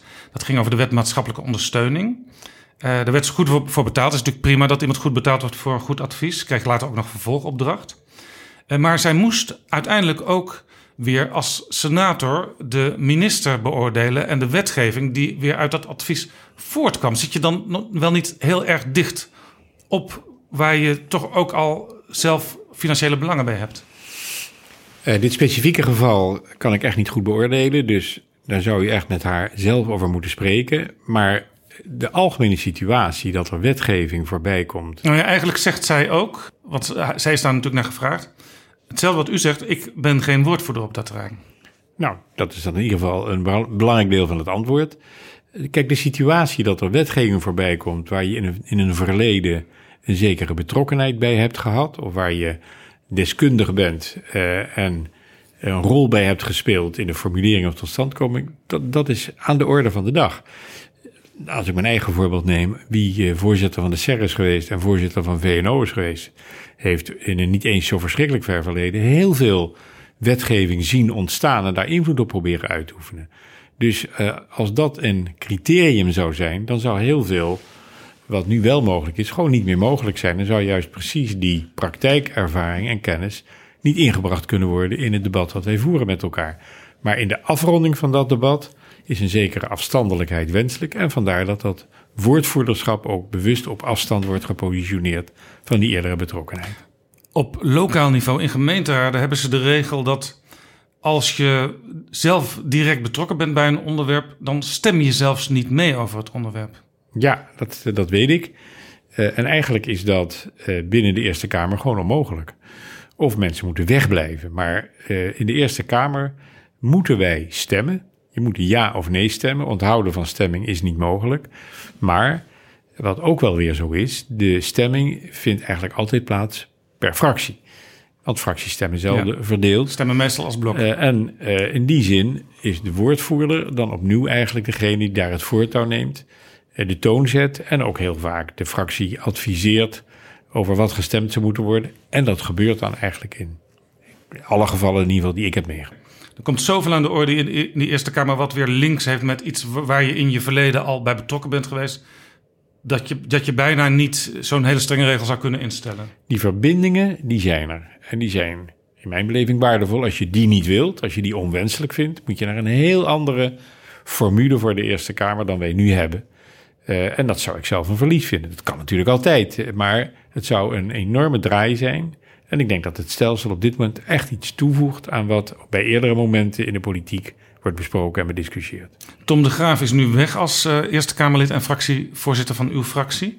Hij wordt uh, vicevoorzitter van de Raad van State, ook wel de onderkoning van Nederland genoemd. U heeft zelf ook een keer gesolliciteerd naar die positie. Ja, dat is nu zo lang geleden en het is eigenlijk toch aan alle kanten uh, uitgelekt. Dus Wanneer was dat? Ik, dat is, nou moet ik even rekenen, ik denk een jaar of zeven geleden. Maar toen uiteindelijk Piet Hein Donner deze functie kreeg. Bent u toen ook op gesprek geweest? Zeker, want natuurlijk, dat hoort er, hoort er dan bij. Um, ik wil er ook niet al te veel over vertellen, maar dat het gebeurd is, dat is op allerlei momenten al wel eerder gebleken. Um, en ik heb het gedaan omdat een aantal leden van de Raad van State mij vroegen te doen. En dat vond ik op zich wel eervol. Maar dat was, dat was bij de benoeming van Tom de Graaf was het ook zo dat er in ieder geval Jeroen Dijsselbloem door een aantal leden van de Raad van State gewenst werd. Die heeft ook gesolliciteerd. Maar dit is wel een van de meest schimmige momenten in ons staatsbestel, denk ik. Hè? De, de, de komst van zo'n nieuwe vicevoorzitter en hoe dat gaat. Ja, dat, dat kun je in ieder geval uh, ervan vinden. En procedures kun je ook altijd heroverwegen. In ieder geval is in het verlengde van de benoeming van de voorganger van Top de Graaf de mogelijkheid om eens een paar jaar na te denken over die procedures niet benut. Dan vind ik het ook een beetje raar om het op de valreep ineens wel weer te willen. Dus eh, als het al gewenst zou worden, dan zou denk ik na zijn aantreden een beter moment zijn. Wat, wat vindt u zelf? Want bijvoorbeeld de benoeming van leden van de Algemene Rekenkamer, ook een hoog college van staat, gebeurt op voorstel van de Tweede Kamer. Dus daar stemmen Tweede Kamerleden over. Ja, dat is echt een ander model. Dat is alles wat ik ervan kan zeggen. En als de Tweede Kamer het wenselijk zou vinden om ook over dat model na te denken. Als de opvolger van Tom de Graaf ooit gekozen wordt, dan is daarvoor natuurlijk alle ruimte aanwezig. En dan is nu in ieder geval de mogelijkheid er om dat te doen, een geruime tijd voordat het gaat spelen. Maar zou dat niet een mooi, misschien wel zelfs initiatief uh, van u kunnen zijn als senator, om, om daar de discussies over te openen? Nee, dat ligt, echt, dat ligt nou echt niet op de weg van de Eerste Kamer. Uh, wij kijken naar. Daar moet echt de Tweede Kamer naar ja, kijken. Ja, dat is echt Tweede Kamerwerk. En dat hoort het ook te zijn. Uh, wij kijken in het algemeen wel naar wat de Tweede Kamer ervan vindt. En kijken daar ook nog eens kritisch naar. En vanuit consistentie, kwaliteitsperspectief, uitvoerbaarheidsperspectief en nog zo wat. Maar de Tweede Kamer heeft het voortouw. Zo is ons uh, systeem ontworpen. Er is nog een functie bij al die voorzitterschappen, al die bestuurslidmaatschappen die u al bekleed hebt. Nog een functie die nog niet uh, u is toegekomen. En die komt komend jaar vrij. Zegt u het maar. Het voorzitterschap van de Eerste Kamer. Oh, ja. Nee, dat klopt. Dat ben ik, uh, dat ben ik nog nooit geweest. Maar ik denk niet dat ik dat ga worden. Um, dus uh, wat mij betreft zijn er vele andere kandidaten voor denkbaar. Ik reken mezelf daar niet toe. Waarom niet? Ik denk dat ik heel gelukkig ben met het functioneren als Eerste Kamerlid. Juist om de praktijk van het werk mee te maken. Um, in de commissies, de inhoud daar te verkennen een beetje te trekken op wat ik eerder heb meegemaakt. Uh, en dat is nu juist niet het werk dat de voorzitter doet. Dus, Want de voorzitter van de Eerste Kamer, dat is wel heel anders dan bijvoorbeeld bij de Sociaal-Economische Raad. Die is echt een, een vooral een technisch voorzitter. Hè? En dat is geen geringe taak, want de besluitvormingsprocedures zijn behoorlijk ingewikkeld. Maar de voorzitter daar is uh, in de vergaderingen volstrekt onpartijdig. En zorgt ervoor dat die vergaderingen goed en efficiënt verlopen. Een hele mooie, hele nuttige taak. Uh, maar in ieder geval niet een taak waar ik me bijzonder toe aangetrokken. Dan nog een andere taak die ook op uw pad had kunnen komen. Het ministerschap. Ik wil eerst even teruggaan naar uw jeugd. Want uw vader die werkte uh, een tijd voor de minister van Financiën. Mm -hmm. En die werd thuis tijdens het avondeten ook wel eens gebeld door de minister. Ja. Hoe ging dat? Nou, dat was altijd wel een belevenis. Want dan ging de telefoon. Dat was al een belevenis. Um, mobiele telefoons hadden bij lange naam. Het was nog zo'n zwarte bakkelieten Bakkelieten toestel. Mijn vader was altijd erg geïrriteerd als er werd opgebeld tijdens het eten. Zij beende daar naartoe. Nam gefilmd. de telefoon op en zei zijn naam. En hij verschoot van kleur. Sprong een beetje in de houding, leek het wel. En zei, maar natuurlijk, excellentie. Ik denk omdat de minister zei, schikt het even. Uh, en het schikte natuurlijk altijd, want het was een excellentie. En wij vonden dat geweldig. Dus wij keken ademloos toe. Er speelde zich dan een gesprek af waar wij niets van begrepen. En waar ik ook helemaal niets meer van weet. Dus in die zin heb ik er alleen herinneringen aan in de vorm van de sfeer die eromheen hing. Eh, want dat was natuurlijk de hoogste autoriteit. Maar dat was dus uw opvoeding. Eigenlijk het, het hoogste wat je kunt bereiken is het ministerschap. Eigenlijk wel. En natuurlijk vooral het ministerschap van Financiën. Want mijn vader heeft zijn hele leven op het ministerie van Financiën gewerkt. In uw boek schrijft u dat u twee keer gepolst bent voor het ministerschap van Economische Zaken. Voor uw partij D66. De eerste keer een lang gesprek telefonisch. U zat in Zwitserland, was op vakantie eh, met Hans van Mierlo. Ja. Ik heb overigens ontdekt dat u niet alleen twee keer gepolst bent, maar zelfs nog een derde keer. Uh, want die eerste keer, dat was toen uiteindelijk uh, Hans Weijers minister werd, 1994, paars 1. Uitstekende minister. Tweede keer was toen Laurens-Jan Brinkhorst minister van Economische Zaken werd, Balken en de 2. Maar die derde keer, uh, dat is ook een moment dat in de openbaarheid eigenlijk niet heel erg gespeeld heeft, was wel een soort dreiging. Dat was uh, voor het moment dat Els Borst zou moeten aftreden in de affaire rond de Belmerramp. Toen bent u ook gepost. Zou u uiteindelijk, als het nodig mocht zijn, uh, Alexander, uh, zou u minister van Volksgezondheid willen worden? Dus zijn er eigenlijk drie keer geweest dat u dat allerhoogste ambt, waarvan uw vader zou hebben gezegd: ja, hoger kun je niet komen. Ja, misschien nog minister van Financiën. Ja. Dus drie keer dat u het geweigerd heeft. Waarom? Ik had eigenlijk elke keer een goede reden. En in alle eerlijkheid, ik herinner me niet eens alle details van de tweede en de derde keer. Maar van de eerste keer herinner ik het me wel heel goed. Want het heeft ook wel veel indruk op me gemaakt. Hans van Mierlo was bijzonder overtuigend als hij iets wilde. Hij nam er echt de tijd voor en deed er moeite voor. Wij waren met vakantie in Zwitserland. Er was nog een gedoe om die telefonische verbinding te organiseren, maar dat lukte. Uh, en hij had een prachtige telefoonstem. Dus ja, uh, het was verleidelijk. Maar ik was dezelfde tijd ook echt druk bezig met de fusie tussen VNO en NCW. En dat was ook een ingewikkeld ding, waar die beide organisaties al lang op hadden gewacht. Ja, de algemene en, werkgevers en de christelijke werkgevers. Ja, en uh, VNO-NCW is natuurlijk daar een begrip geworden, maar ooit waren het echt twee aparte organisaties die een ingewikkelde verhouding met elkaar hadden, die eigenlijk gedoemd waren het altijd eens te worden, maar soms was het lastig. Een beetje vergelijkbaar met FNV en uh, CNV bij de vakbonden. Nou, ja, wat is vergelijkbaar? Um, ja en nee, want er was, denk ik, tussen VNO en NCW eigenlijk geen serieus wezenlijk meningsverschil. Alleen waren er wel eens verschillen in accent en was er een behoefte aan beide kanten om toch een zelfstandige zichtbaarheid was meer de nest te houden. Maar je had dezelfde leden, dat is een belangrijk verschil met FNV en CNV. Je bent lid van een van beide, maar in het geval van VNO en NCW waren ze één en dezelfde onderneming lid van beide. En die ondernemingen, vele dus die dat waren, die hadden ook een enorme hekel eraan dat het in hun beleving veel duurder was dan nodig. En uiteindelijk kregen ze ook twee keer dezelfde mening. Uh, en die meningen vonden elkaar ook. Ja. Dus er was echt veel te zeggen voor zo'n fusie. Dus objectief was er gewoon. En, en de, u was met die fusie bezig. Uiteindelijk ja. is die ook gelukt. Maar dat ja. was de reden waarom u op dat moment zei: Ik ben niet beschikbaar. Ik zei: Ik moet dit afmaken. Dat is echt beter. En Hans Weijers, die later dus als kandidaat verscheen, heeft het ook geweldig gedaan. Dus het is heel goed afgelopen. Ja, en Hans Weijers heeft ook altijd gezegd: hij is één termijn minister geweest. Daarna niet meer. Hoewel Van Miro in hem zelfs een potentiële opvolger als partijleider zag. Ja. Hans Weijers heeft altijd gezegd: nee, ik doe het één periode en dat doe ik als dienst aan de samenleving. En daarna ga ik weer verder in het bedrijfsleven. U heeft die dienst dus nooit aan de samenleving bewezen. Nee, en uh, nou ja, dat heeft echt te maken met wat ik net al zei. De momenten waren ongelukkig.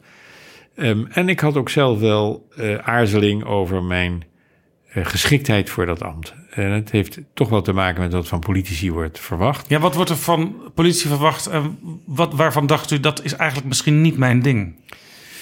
Misschien toch in de allereerste plaats wel de noodzaak voor politici om heel goed te kunnen omgaan met en leven binnen permanent conflict. Permanent ruzie, permanente oneenigheid. En toch zakelijke verhoudingen daardoor niet al te zeer te laten schaden. Want je hebt altijd natuurlijk een geharde oppositie tegenover je, maar je hebt ook in je eigen kabinetscoalitie ja. heb je altijd tegenstanders. Ja, het is, dat maakt het leven veel eisend en ingewikkeld. Er zijn mensen die daar heel goed op reageren, die eigenlijk dan op hun best functioneren. Ik hoor daar in ieder geval zelf niet toe. En wat ik ook moeilijk vind, vond en vindt, is wat van politici ook vaak verlangd wordt: dat ze een verhaal ontwikkelen over het beleid dat ze willen voeren. Dat past bij het publiek waar ze voor spreken en dat ze dat verhaal ook in de tijd consistent doorvertellen. Um, uh, met andere woorden, dat ze nog heel goed weten wat ze wel en niet tegen iemand gezegd hebben. En later in datzelfde lijntje doorredeneren. Maar als je altijd hetzelfde verhaal vertelt, dan hoeft dat ook niet moeilijk te zijn. Ja, maar dat is vaak ook niet het meest effectief. Soms moet je gewoon je argumenten een beetje ordenen en positioneren al naar gelang je iets wilt bereiken wat belangrijk is.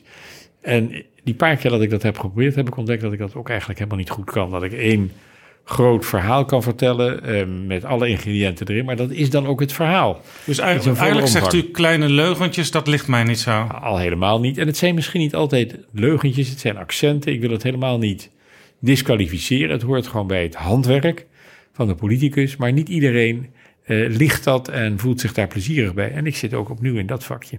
En u zegt in uw boek ook, um, want u heeft natuurlijk de functie van minister vaak van nabij meegemaakt. Ja. Geen private of publieke functie is zo zwaar en zo fysiek belastend als een ministerschap of een staatssecretariaat. Ja, dat is denk ik echt waar. Uh, dat heeft natuurlijk te maken met de omvang van de taak zelf, met de enorme hoeveelheid informatie die je moet verwerken. Dat zijn dan die beruchte loodgieterstassen, misschien tegenwoordig allemaal op de iPad, maar die informatie is er niet minder om geworden. Uh, het enorme tijdsbeslag wat verlangd wordt, want vrije tijd verdwijnt eigenlijk toch als sneeuw voor de zon. Uh, voor een minister of een staatssecretaris. En dan ook nog eens een keer de voortdurende publieke schijnwerper. Uh, want iedereen staat klaar om goed luisterend naar wat je zegt, iets te ontdekken wat niet bevalt en daar vervolgens een naar vervolg aan te geven. Dus het is een heel, heel zwaar karwei. Het is ook wel een karwei dat gebeuren moet. En het is ook gelukkig een karwei waar heel veel mensen toch heel veel belangstelling voor hebben. De carrière als minister eindigt meestal ook in misère. Hè? Hoe, hoe, succesvol je misschien ook geweest bent in die periode. Vaak kun je daar ook helemaal niks aan doen. er gebeurt iets vaak compleet buiten je schuld. De partij doet iets doms of wil je niet meer om wat voor reden dan ook. Of er valt een lijk uit de kast van een voorganger. Bijvoorbeeld, of er gebeurt ergens diep in het ministerie iets waar je geen weet van hebt, maar wat je toch, en zo werkt het eenmaal, wordt aangerekend. Eh, en voordat je het weet is het feest voorbij, voor jou alleen of voor al je collega's. Dat kan al heel snel zijn, het kan ook heel lang duren. En ineens vallen ook alle voorzieningen die het leven dan toch in ieder geval aangenaam maken en, en haalbaar vallen ook weg. Uh, de opvang verdwijnt, je staat er ineens weer helemaal alleen de voor. chauffeur.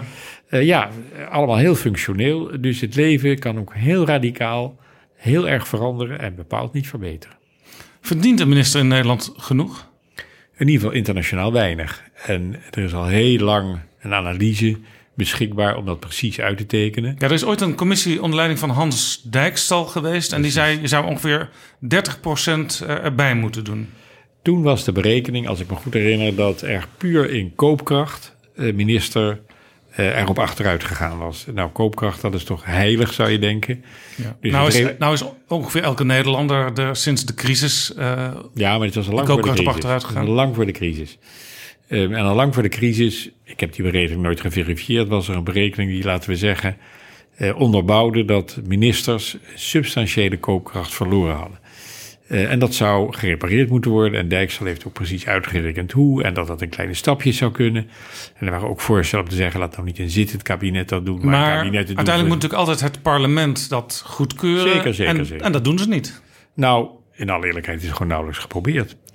Omdat ministers uh, eigenlijk zelf vonden dat ze het niet voor zichzelf moesten doen. Voor hun opvolgers wilden ze het ook niet doen. Uh, en ze waren heel erg benauwd en bezorgd dat dat in de beeldvorming zich enorm tegen hen zou keren. En dus zijn die salarissen in die zin dus in Nederland inderdaad laag. En ook laag vergeleken met wat heel veel andere landen betalen. Zo zal ook nooit, of niet heel snel, uh, de Tweede Kamer over zichzelf zeggen: wij moeten meer verdienen. Nee. Uh, maar de Tweede Kamer kan natuurlijk wel zeggen: uh, we willen meer personeel, want wij moeten het met uh, anderhalf assistent doen, terwijl de minister heeft duizend ambtenaren onder zich. Dat kan de Tweede Kamer zeggen. En ook daar is Nederland heel karig en zuinig. Dat geldt voor de Tweede Kamer, geldt zeker voor de Eerste Kamer. Zou de Kamer dat, dat daar eigenlijk wel eens werk van moeten maken, gewoon ook internationaal vergeleken? Um, ik kan het voor de Tweede Kamer iets minder goed beoordelen. Uh, daar zijn natuurlijk echt wel uh, meer assistenten beschikbaar. En ik vind het ook overigens volstrekt terecht dat dat zo is. De Eerste Kamer is daar echt zuinig in.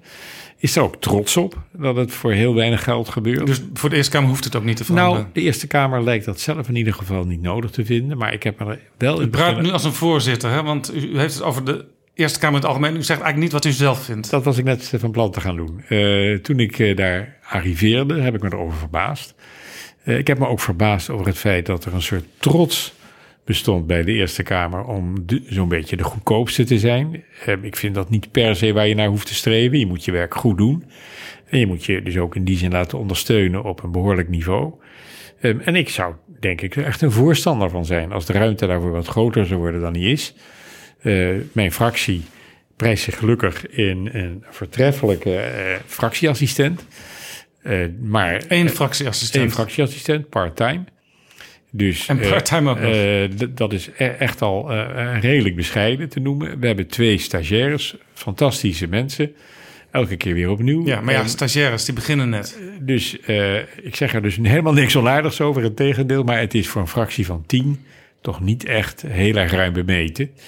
Uh, en ja, ik zou het helemaal niet verkeerd vinden als die ondersteuning wat ruimer zou zijn dan die is. Maar er is een aantal malen over gesproken.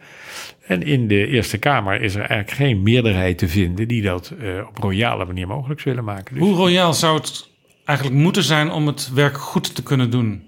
Daar zou je zou moeten rekenen. Dat heb ik eigenlijk niet Want je paraat. hebt nu één, fractieassistent part-time, twee stagiaires.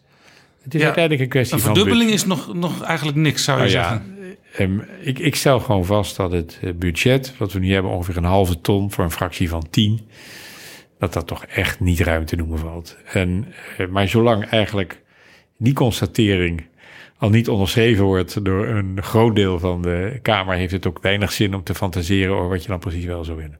Want u moet dus eigenlijk in uw uppie alle stukken lezen, alle wetten die eraan komen en daar een gedegen oordeel over geven. Nou, daar is één gelukkige voetnoot bij te maken. Want inderdaad, de assistentie verricht wonderen, maar de capaciteit is behoorlijk beperkt. Maar het goede nieuws is dat er heel veel mensen van buiten de Kamer, van buiten de politiek zijn die best mee willen denken. Uh, en dat is maar ja, dan krijg je weer het, het lobbycircus. Nee, dat hoeft geen lobbyist. Dat zijn geen lobbyisten. Ja, die willen ook meewerken. Maar waar het mij veel meer om gaat, is het vermogen van de politiek. Mark Rutte noemt dat de convening power. Ik vind het wel een mooie uitdrukking. De mogelijkheid voor de politiek om met succes een beroep te doen op deskundigheid uit de samenleving. En daar heb ik eh, keer op keer enorm plezier van gehad. En het is ook werkelijk waar dat als je vraagt aan mensen om mee te denken, na te denken, te adviseren over wat de Eerste Kamer zou moeten vinden, en de Tweede Kamer vermoed ik ook, van een bepaald beleidsvoornemen, een wetsvoorstel of wat iets meer zei, dan is die bereidheid enorm groot en wordt eigenlijk nooit nee gezegd. Dus in die zin kunnen we ook heel veel steun vinden. Ja, dat is, dus, dat is dus niet iets wat uh, in een soort structuur geregeld is, maar dat is gewoon, je pakt de telefoon en je vraagt iemand, kun je mij ja. helpen, adviseren? Ja. ja, en dan deze mensen het en dan laten ze je profiteren van hun deskundigheid. Wat ik heel interessant vind in uw boek, u vertelt dus over al die plaatsen waar u uh, geweest bent, waar u advies heeft gegeven, waar u invloed heeft geuit, of soms voorzitter was. U werd op een gegeven moment ook gevraagd, uh, u noemde het al door VNO, de werkgevers.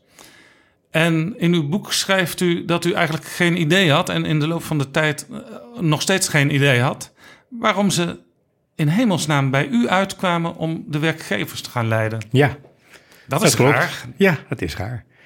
Ik kan het moeilijk ontkennen. Uh, het is raar. Je kunt natuurlijk zeggen uh, dat is een reden om het misschien nou maar niet te doen of er enorm over te gaan zeuren. Want er waren altijd mensen die al enorm uh, ja, ervaring hadden in de politiek ja, of in het bedrijfsleven. Ja, mijn voorganger was Kees van Leden, een man met een fantastische ervaring. Waarbij ik niet in de schaduw kon staan. Dus je kunt daar natuurlijk allerlei argumenten aan ontlenen te zeggen, maar liever niet. Je kunt natuurlijk ook denken, dat heb ik toen maar gedaan, wat een ongelofelijke buitenkans krijg ik hier totaal onverwacht en waarschijnlijk ook totaal onverdiend. Maar eh, mensen die dit vragen aan mij hebben daar vast een goede reden voor en zien misschien mogelijkheden in mij die ik zelf nog niet eens door heb. Dus laat ik nu maar even vertrouwen op hun goede oordeel en probeer er het beste van te maken. Door wie werd u gevraagd trouwens? Ja, door een benoemingscommissie. Um, en wie zat er daarin? In ieder geval zat Henk Roodliep daarin. Dat is een naam die mij nu te binnen schiet. De toenmalige voorzitter van de Raad van Bestuur van Netloy. Uh, nou ja, daar zit misschien iets van een verklaring in, omdat hij in Rotterdam iets had gemerkt van hoe wij vanuit de Erasmus Universiteit lobbyden tegen de bezuiniging. Met steun van het En bedrijfsleven. ik dacht, dat is een verstandige vent. Nou, misschien. Ja, ik nogmaals, zijn argumenten goed op orde. Wie zal het zeggen? Maar ik heb het me uiteindelijk maar eh, laten aanleunen en er nooit spijt van gehad. En uw, uw vader, we, we noemden hem al eerder, hoe die, hoe die opkeek tegen zo'n gezaghebbende minister. Eh, die, die vond het eigenlijk maar raar dat u naar de werkgevers ging, hè? Nou ja, hij was echt wel iemand die zei... de enige echte banen in Nederland zijn eh, de Rijksoverheidsbanen. En eh, wie daar buiten actief is, ja, het hoort erbij. Maar hij, Maar hij had ook een beetje twijfels over de, de moraal van het zakenleven. De zakenlieden, ja, dat was niet een categorie... waar eh, bijzonder lovend over werd gesproken bij ons thuis. Toch een beetje dat liedje van Boudewijn de Groot, maar liever dat nog dan het bord voor zijn kop van de zakenman. Ik wou dat ik het kon meezingen, maar misschien is dat precies eh, wat ik bedoel. Eh, in ieder geval, hij was eh, natuurlijk ook wel, hij was natuurlijk wel mooi, want het is natuurlijk, was ook wel een baan die een publieke kant had. Maar hij vond het in ieder geval niet de natuurlijke eindbestemming. En u kreeg daar ook wat uw vader met die ministers altijd had. Als u een minister nodig had, dan, dan, dan belde zelfs de minister meteen terug. Dat is denk ik het voorrecht van elke VNO-NCW-voorzitter. Het is natuurlijk, hoe je het ook keert of wendt, toch een positie waar je spreekt namens een heel groot en relevant deel van de Nederlandse economie. Als je iets te zeggen hebt, dat is vaak nog een hele kunst om die boodschap te ontwikkelen. Maar als Namens je al die ondernemingen die al die heel ondernemingen met hun verschillende belangen. Maar als je die boodschap hebt, dan is die het, het aanhoren waard. En dat betekent dat als je belt en de minister probeert te bereiken, dan word je redelijk snel teruggebeld. Een van de dingen die u heeft gerealiseerd als eh, voorzitter van VNO was het openen van een kantoor in Brussel. Ja. Tegenwoordig heeft, heeft elk zichzelf respecterend clubje heeft een kantoor in Brussel. Zelfs eh, eh, zijn bijna veel meer Nederlanders lobbyist in Brussel dan in Den Haag bij het Nederlands parlement. Want ondernemingen, schrijft u in uw boek, die zeggen eigenlijk hoe federaler Europa, hoe liever. Dat kan zo zijn, maar dan denk ik altijd, ja, de VVD die wordt altijd gezien als een partij van de, de ondernemers. De VVD die heeft al, al jaren sinds Bolkestein neemt afstand eh, toch van Europa. De VVD moet maar eh, voor zichzelf spreken. Wat in ieder geval waar is, en wat mij betreft vooral naar is, is dat de automatische steun van ondernemers voor Europa teruggelopen is. Ik heb meegemaakt in de jaren negentig dat die er was. En dat eigenlijk de discussies over Europa heel kort konden duren, want er was maar één taak voor VNO en later VNO-NCW in Brussel, en dat was pro-Europees aandringen op snelle integratie. En ook eh, wat later het gevreesde F-woord werd, federalisatie. Een federaal Europa was toen niet alleen bespreekbaar, maar ook het ultieme doel. Dus ondernemers waren toen heel pro-Europees. Hebben ook Delors, Jacques Delors enorm geholpen eh, diverse start te maken in 1992. Eh, En wilden niets liever dan eh, een ontwikkeling in de richting van een complete Europese integratie. Uiteindelijk ook politieke integratie in een hoog tempo. En dat klinkt nou alsof ik het heb over een vorige eeuw. Het is ook een vorige Ja, eeuw, maar want het het is woord federaal, dat durft bijna niemand in Nederland te gebruiken. Want dan denken ze, dan begrijpen mijn kiezers mij niet meer. Want dan Nee. denken ze, er komt een ander land, een superstaat Europa. Ja, er is, het is helemaal waar wat u zegt. Maar ik kan alleen maar een herinnering naar boven halen. Niet heel lang geleden was dat in ondernemerskring helemaal niet onbespreekbaar. En u wil, u zegt de VVD moet maar voor zichzelf spreken. Dat is natuurlijk waar. Maar de laatste tijd is Mark Rutte ook wat minder eurosceptisch, lijkt het. Hè? Hij, hij Ja. praat heel veel met Merkel, heel veel met Macron ook.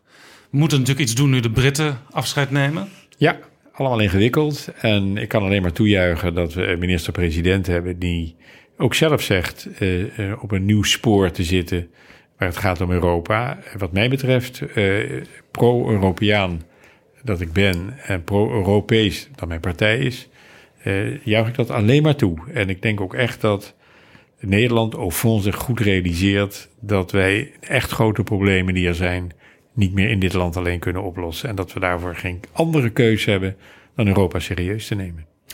Na het VNO ging u naar de ING-groep. Daar kwam u in de raad van bestuur.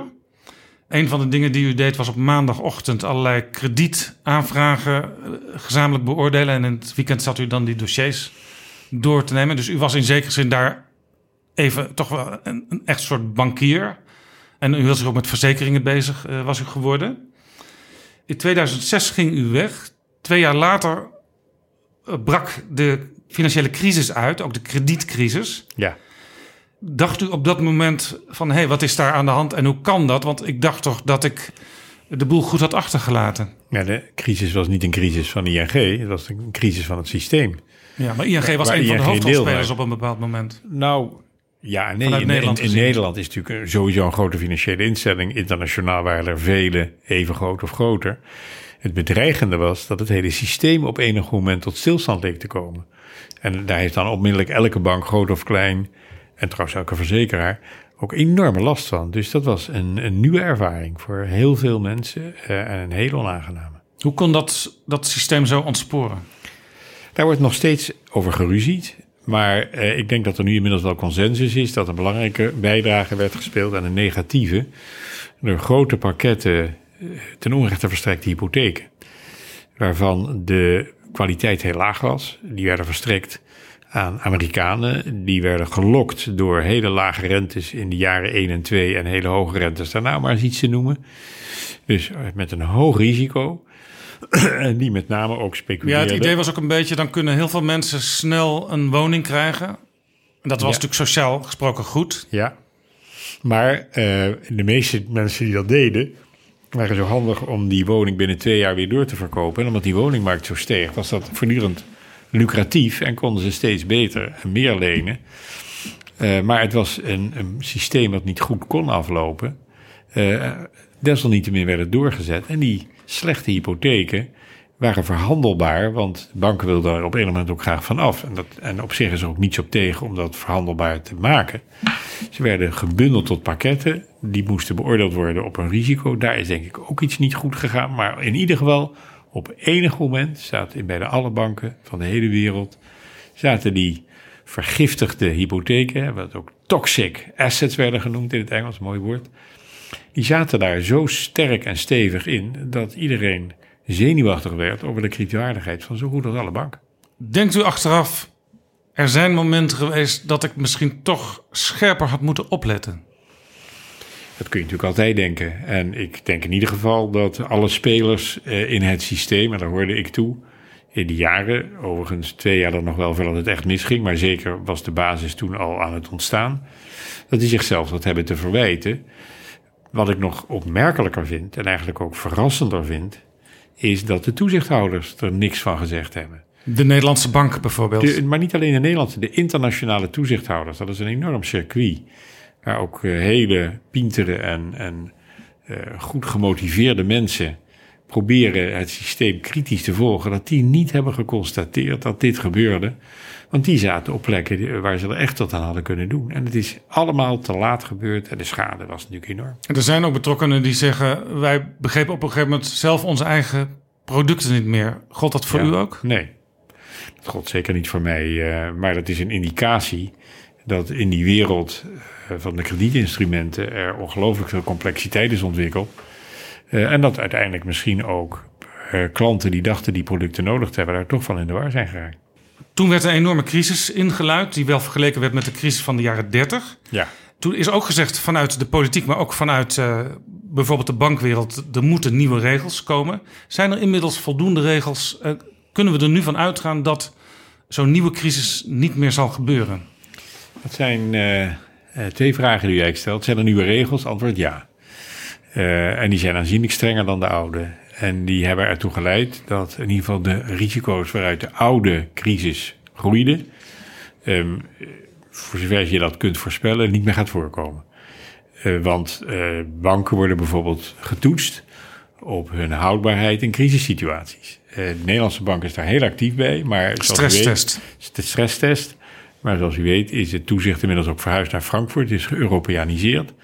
Denk ik een hele belangrijke stap, een hele nuttige stap. Ehm, dus er is op allerlei manieren geprobeerd eh, af te dekken wat er toen is misgegaan. Betekent dat dat er nooit meer een crisis zal zijn? Dat durf ik niet te zeggen. Dat durft denk ik niemand te zeggen. Want een nieuwe crisis kan je weer verrassen. Door de manier waarop die ontstaat en groeit en uit de hand loopt. Dus het is bijna ondenkbaar dat tussen nu en het begin van de volgende eeuw dat niet een keer gebeurt. Maar je zou wel hopen dat we er beter op voorbereid zijn. En dat de schade dan ook aanzienlijk minder zal zijn dan die nu was. Begin van de volgende eeuw is ook nog heel lang Ja. van ons vandaan, hè? Twee- Ja. 82 Ja, jaar. dat is heel lang van ons vandaan. Even iets heel actueels. Eh, de afschaffing van de dividendbelasting. U zat in, eh, u was voorzitter van VNO-NCW. Eh Shell en Unilever, bedrijven waar nu steeds over gesproken wordt, die zaten in het dagelijks bestuur. Dus u sprak voortdurend met die bedrijven. Eh, er is nu ook steeds meer gebleken dat eigenlijk de lobby vanuit die bedrijven, ook via eh, nu Hans de Boer van VNO-NCW, de doorslag gaf uiteindelijk bij Mark Rutte om hiervoor op te komen in de kabinetsformatie en dat ook tot op de dag van vandaag vol te houden. Ehm, kun je langzamerhand dan ook niet zeggen dat zo'n VNO-NCW, zo'n Shell en Unilever een klein beetje de baas zijn in Nederland? Ik ga u teleurstellen. Want dit onderwerp is ingewikkeld en gevoelig. Het komt naar de Eerste Kamer toe, maar het is er nog lang niet. Het heeft nog een flinke weg te gaan. En we hebben met elkaar afgesproken dat we afwachten wat die weg oplevert... voordat we er iets van gaan zeggen. En als het zover is, denk ik dat we, in lijn met wat ik eerder tegen u zei... de woordvoerder daar vooral mee willen belasten. Eh, En dat wordt Joris Bakker. En dan zou het wel zo kunnen zijn dat u niet in lijn opereert met de mensen met wie u vroeger zo intensief samenwerkte, namelijk Shell en Unilever en VNO-NCW. Ik, ik neem geen voorschot op het besluit dat wij dan gaan nemen. Ik kan u alleen wel zeggen dat we van plan zijn dat eh, unaniem te doen. Nog iets over eh, de economie en financiën. Eh, Jan Terlouw die zat in de eerste aflevering van Betrouwbare Bronnen. En eigenlijk de hoofdlijn van zijn betoog daarin was... in de loop van de afgelopen tientallen jaren heeft het kapitaal te veel macht gekregen... en de politiek moet macht terugveroveren op het kapitaal. Bent u dat met Jan Terlouw eens? Er is natuurlijk een strijd van belangen die wordt gevoerd. Kapitaal is niet één homogeen belang, maar vooruit. Arbeid is niet één homogeen belang, maar vooruit. Eh, De politiek is ervoor om eh, democratische besluitvorming te laten prevaleren. Ehm, en dat eh, gebeurt in Nederland al vele, vele jaren. En in mijn beleving ehm, is op dat systeem veel aan te merken. Maar is dit ook bijzonder lastig iets beters te verzinnen dan die representatieve democratie? Er is natuurlijk wel heel veel nagedacht over, en wordt nog steeds nagedacht over manieren om die representatieve democratie beter te laten functioneren. Ehm, mijn partij heeft niet lang geleden nog 15 nieuwe ideeën ingestoken eh, om dat debat te verlevendigen. Dat is allemaal uitstekend. Maar het vertrekpunt is en blijft toch, denk ik, die democratie. En die democratie is bepaald niet machteloos en tandeloos. Die kan in eh, wetten en voorschriften en regels heel veel organiseren. Maar realiseert zich tezelfde tijd ook wel dat een klein land in een grote internationale wereld, waar bijvoorbeeld kapitaalmarkten wereldwijd zich hebben georganiseerd, eh, bescheiden is en hoort te zijn in wat bereikt kan worden buiten de medewerking van andere landen om. En dat is ook precies de reden dat Europa zo ongelooflijk belangrijk is. Want Ja. daar is in ieder geval politieke macht op een zodanig niveau te vinden dat er wel degelijk een verschil kan worden gemaakt, ook in dat internationale geweld. Er zijn natuurlijk eh, een, er is een nieuw soort bedrijven gekomen. eh, Google, Facebook, dat soort bedrijven. Die heel veel invloed hebben op het dagelijks leven van mensen. Dat vinden veel mensen ook fijn, want je hebt contact met iedereen via die bedrijven. Maar die hebben eh, heel veel invloed op onze, ons privédomein. Maar die kunnen ook dingen besluiten, omdat ze een soort van monopolie, bijna monopoliepositie hebben. Eh, en daar heeft de politiek, die heeft dat laten gebeuren.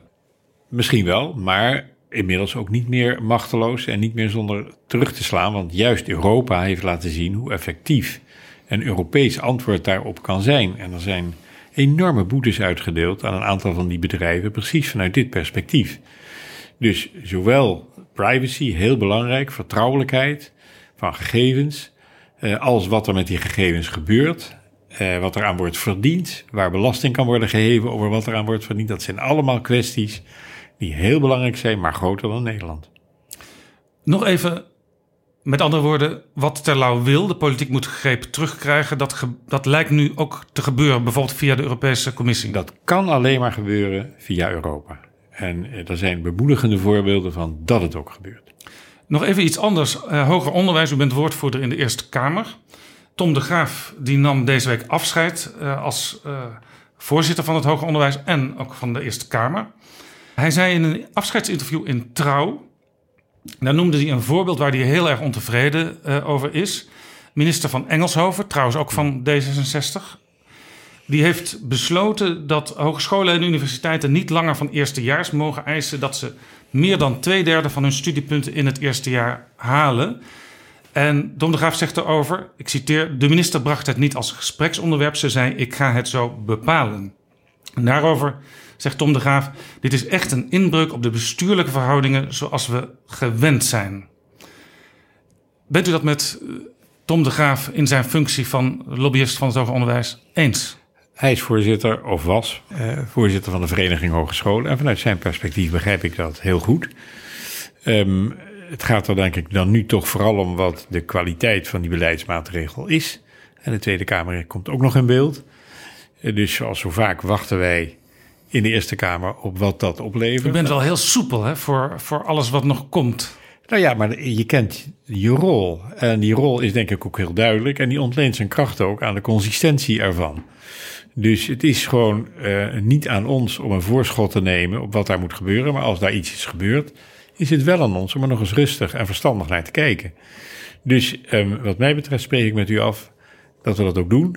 Als inderdaad ook duidelijk is dat de Tweede Kamer dat beleid overneemt. Uh, en dan gaan we de argumentatie nog eens Ja, want ik stel de vraag ook, want uw partij beroept zich nu eenmaal altijd op dat het een onderwijspartij is. Ja. D66 noemt zich ook een hervormingspartij.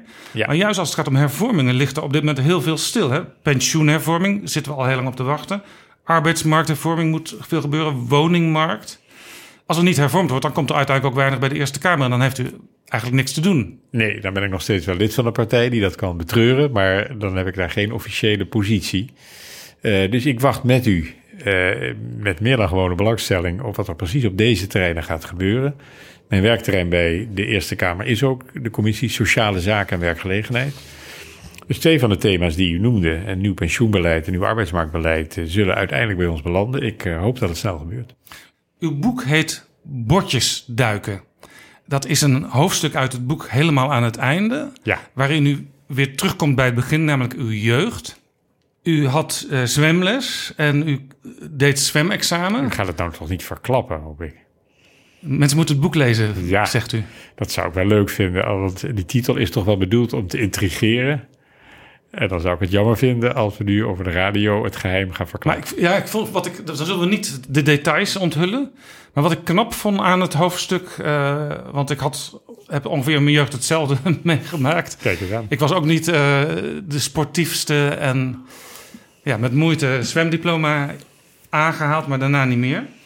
Maar u beschrijft er eigenlijk uw zwakte. En dat vind ik altijd wel mooi als mensen dat doen. Want verder leek het u in uw leven als een soort zondagskind toch te zijn komen aanwaaien allemaal. Nou, aanwaaien, dat suggereert dat ik helemaal niks voor heb gedaan. En dat is echt niet zo. Ik durf wel te zeggen dat ik er enorm hard aan gewerkt heb. Uh, en, en in die zin met, met overigens met heel veel vreugde lange uren heb gemaakt.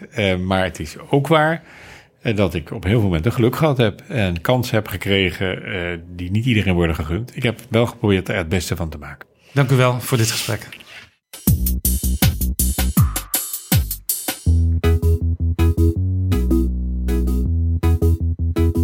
Zo, dit was aflevering 5 van Betrouwbare Bronnen.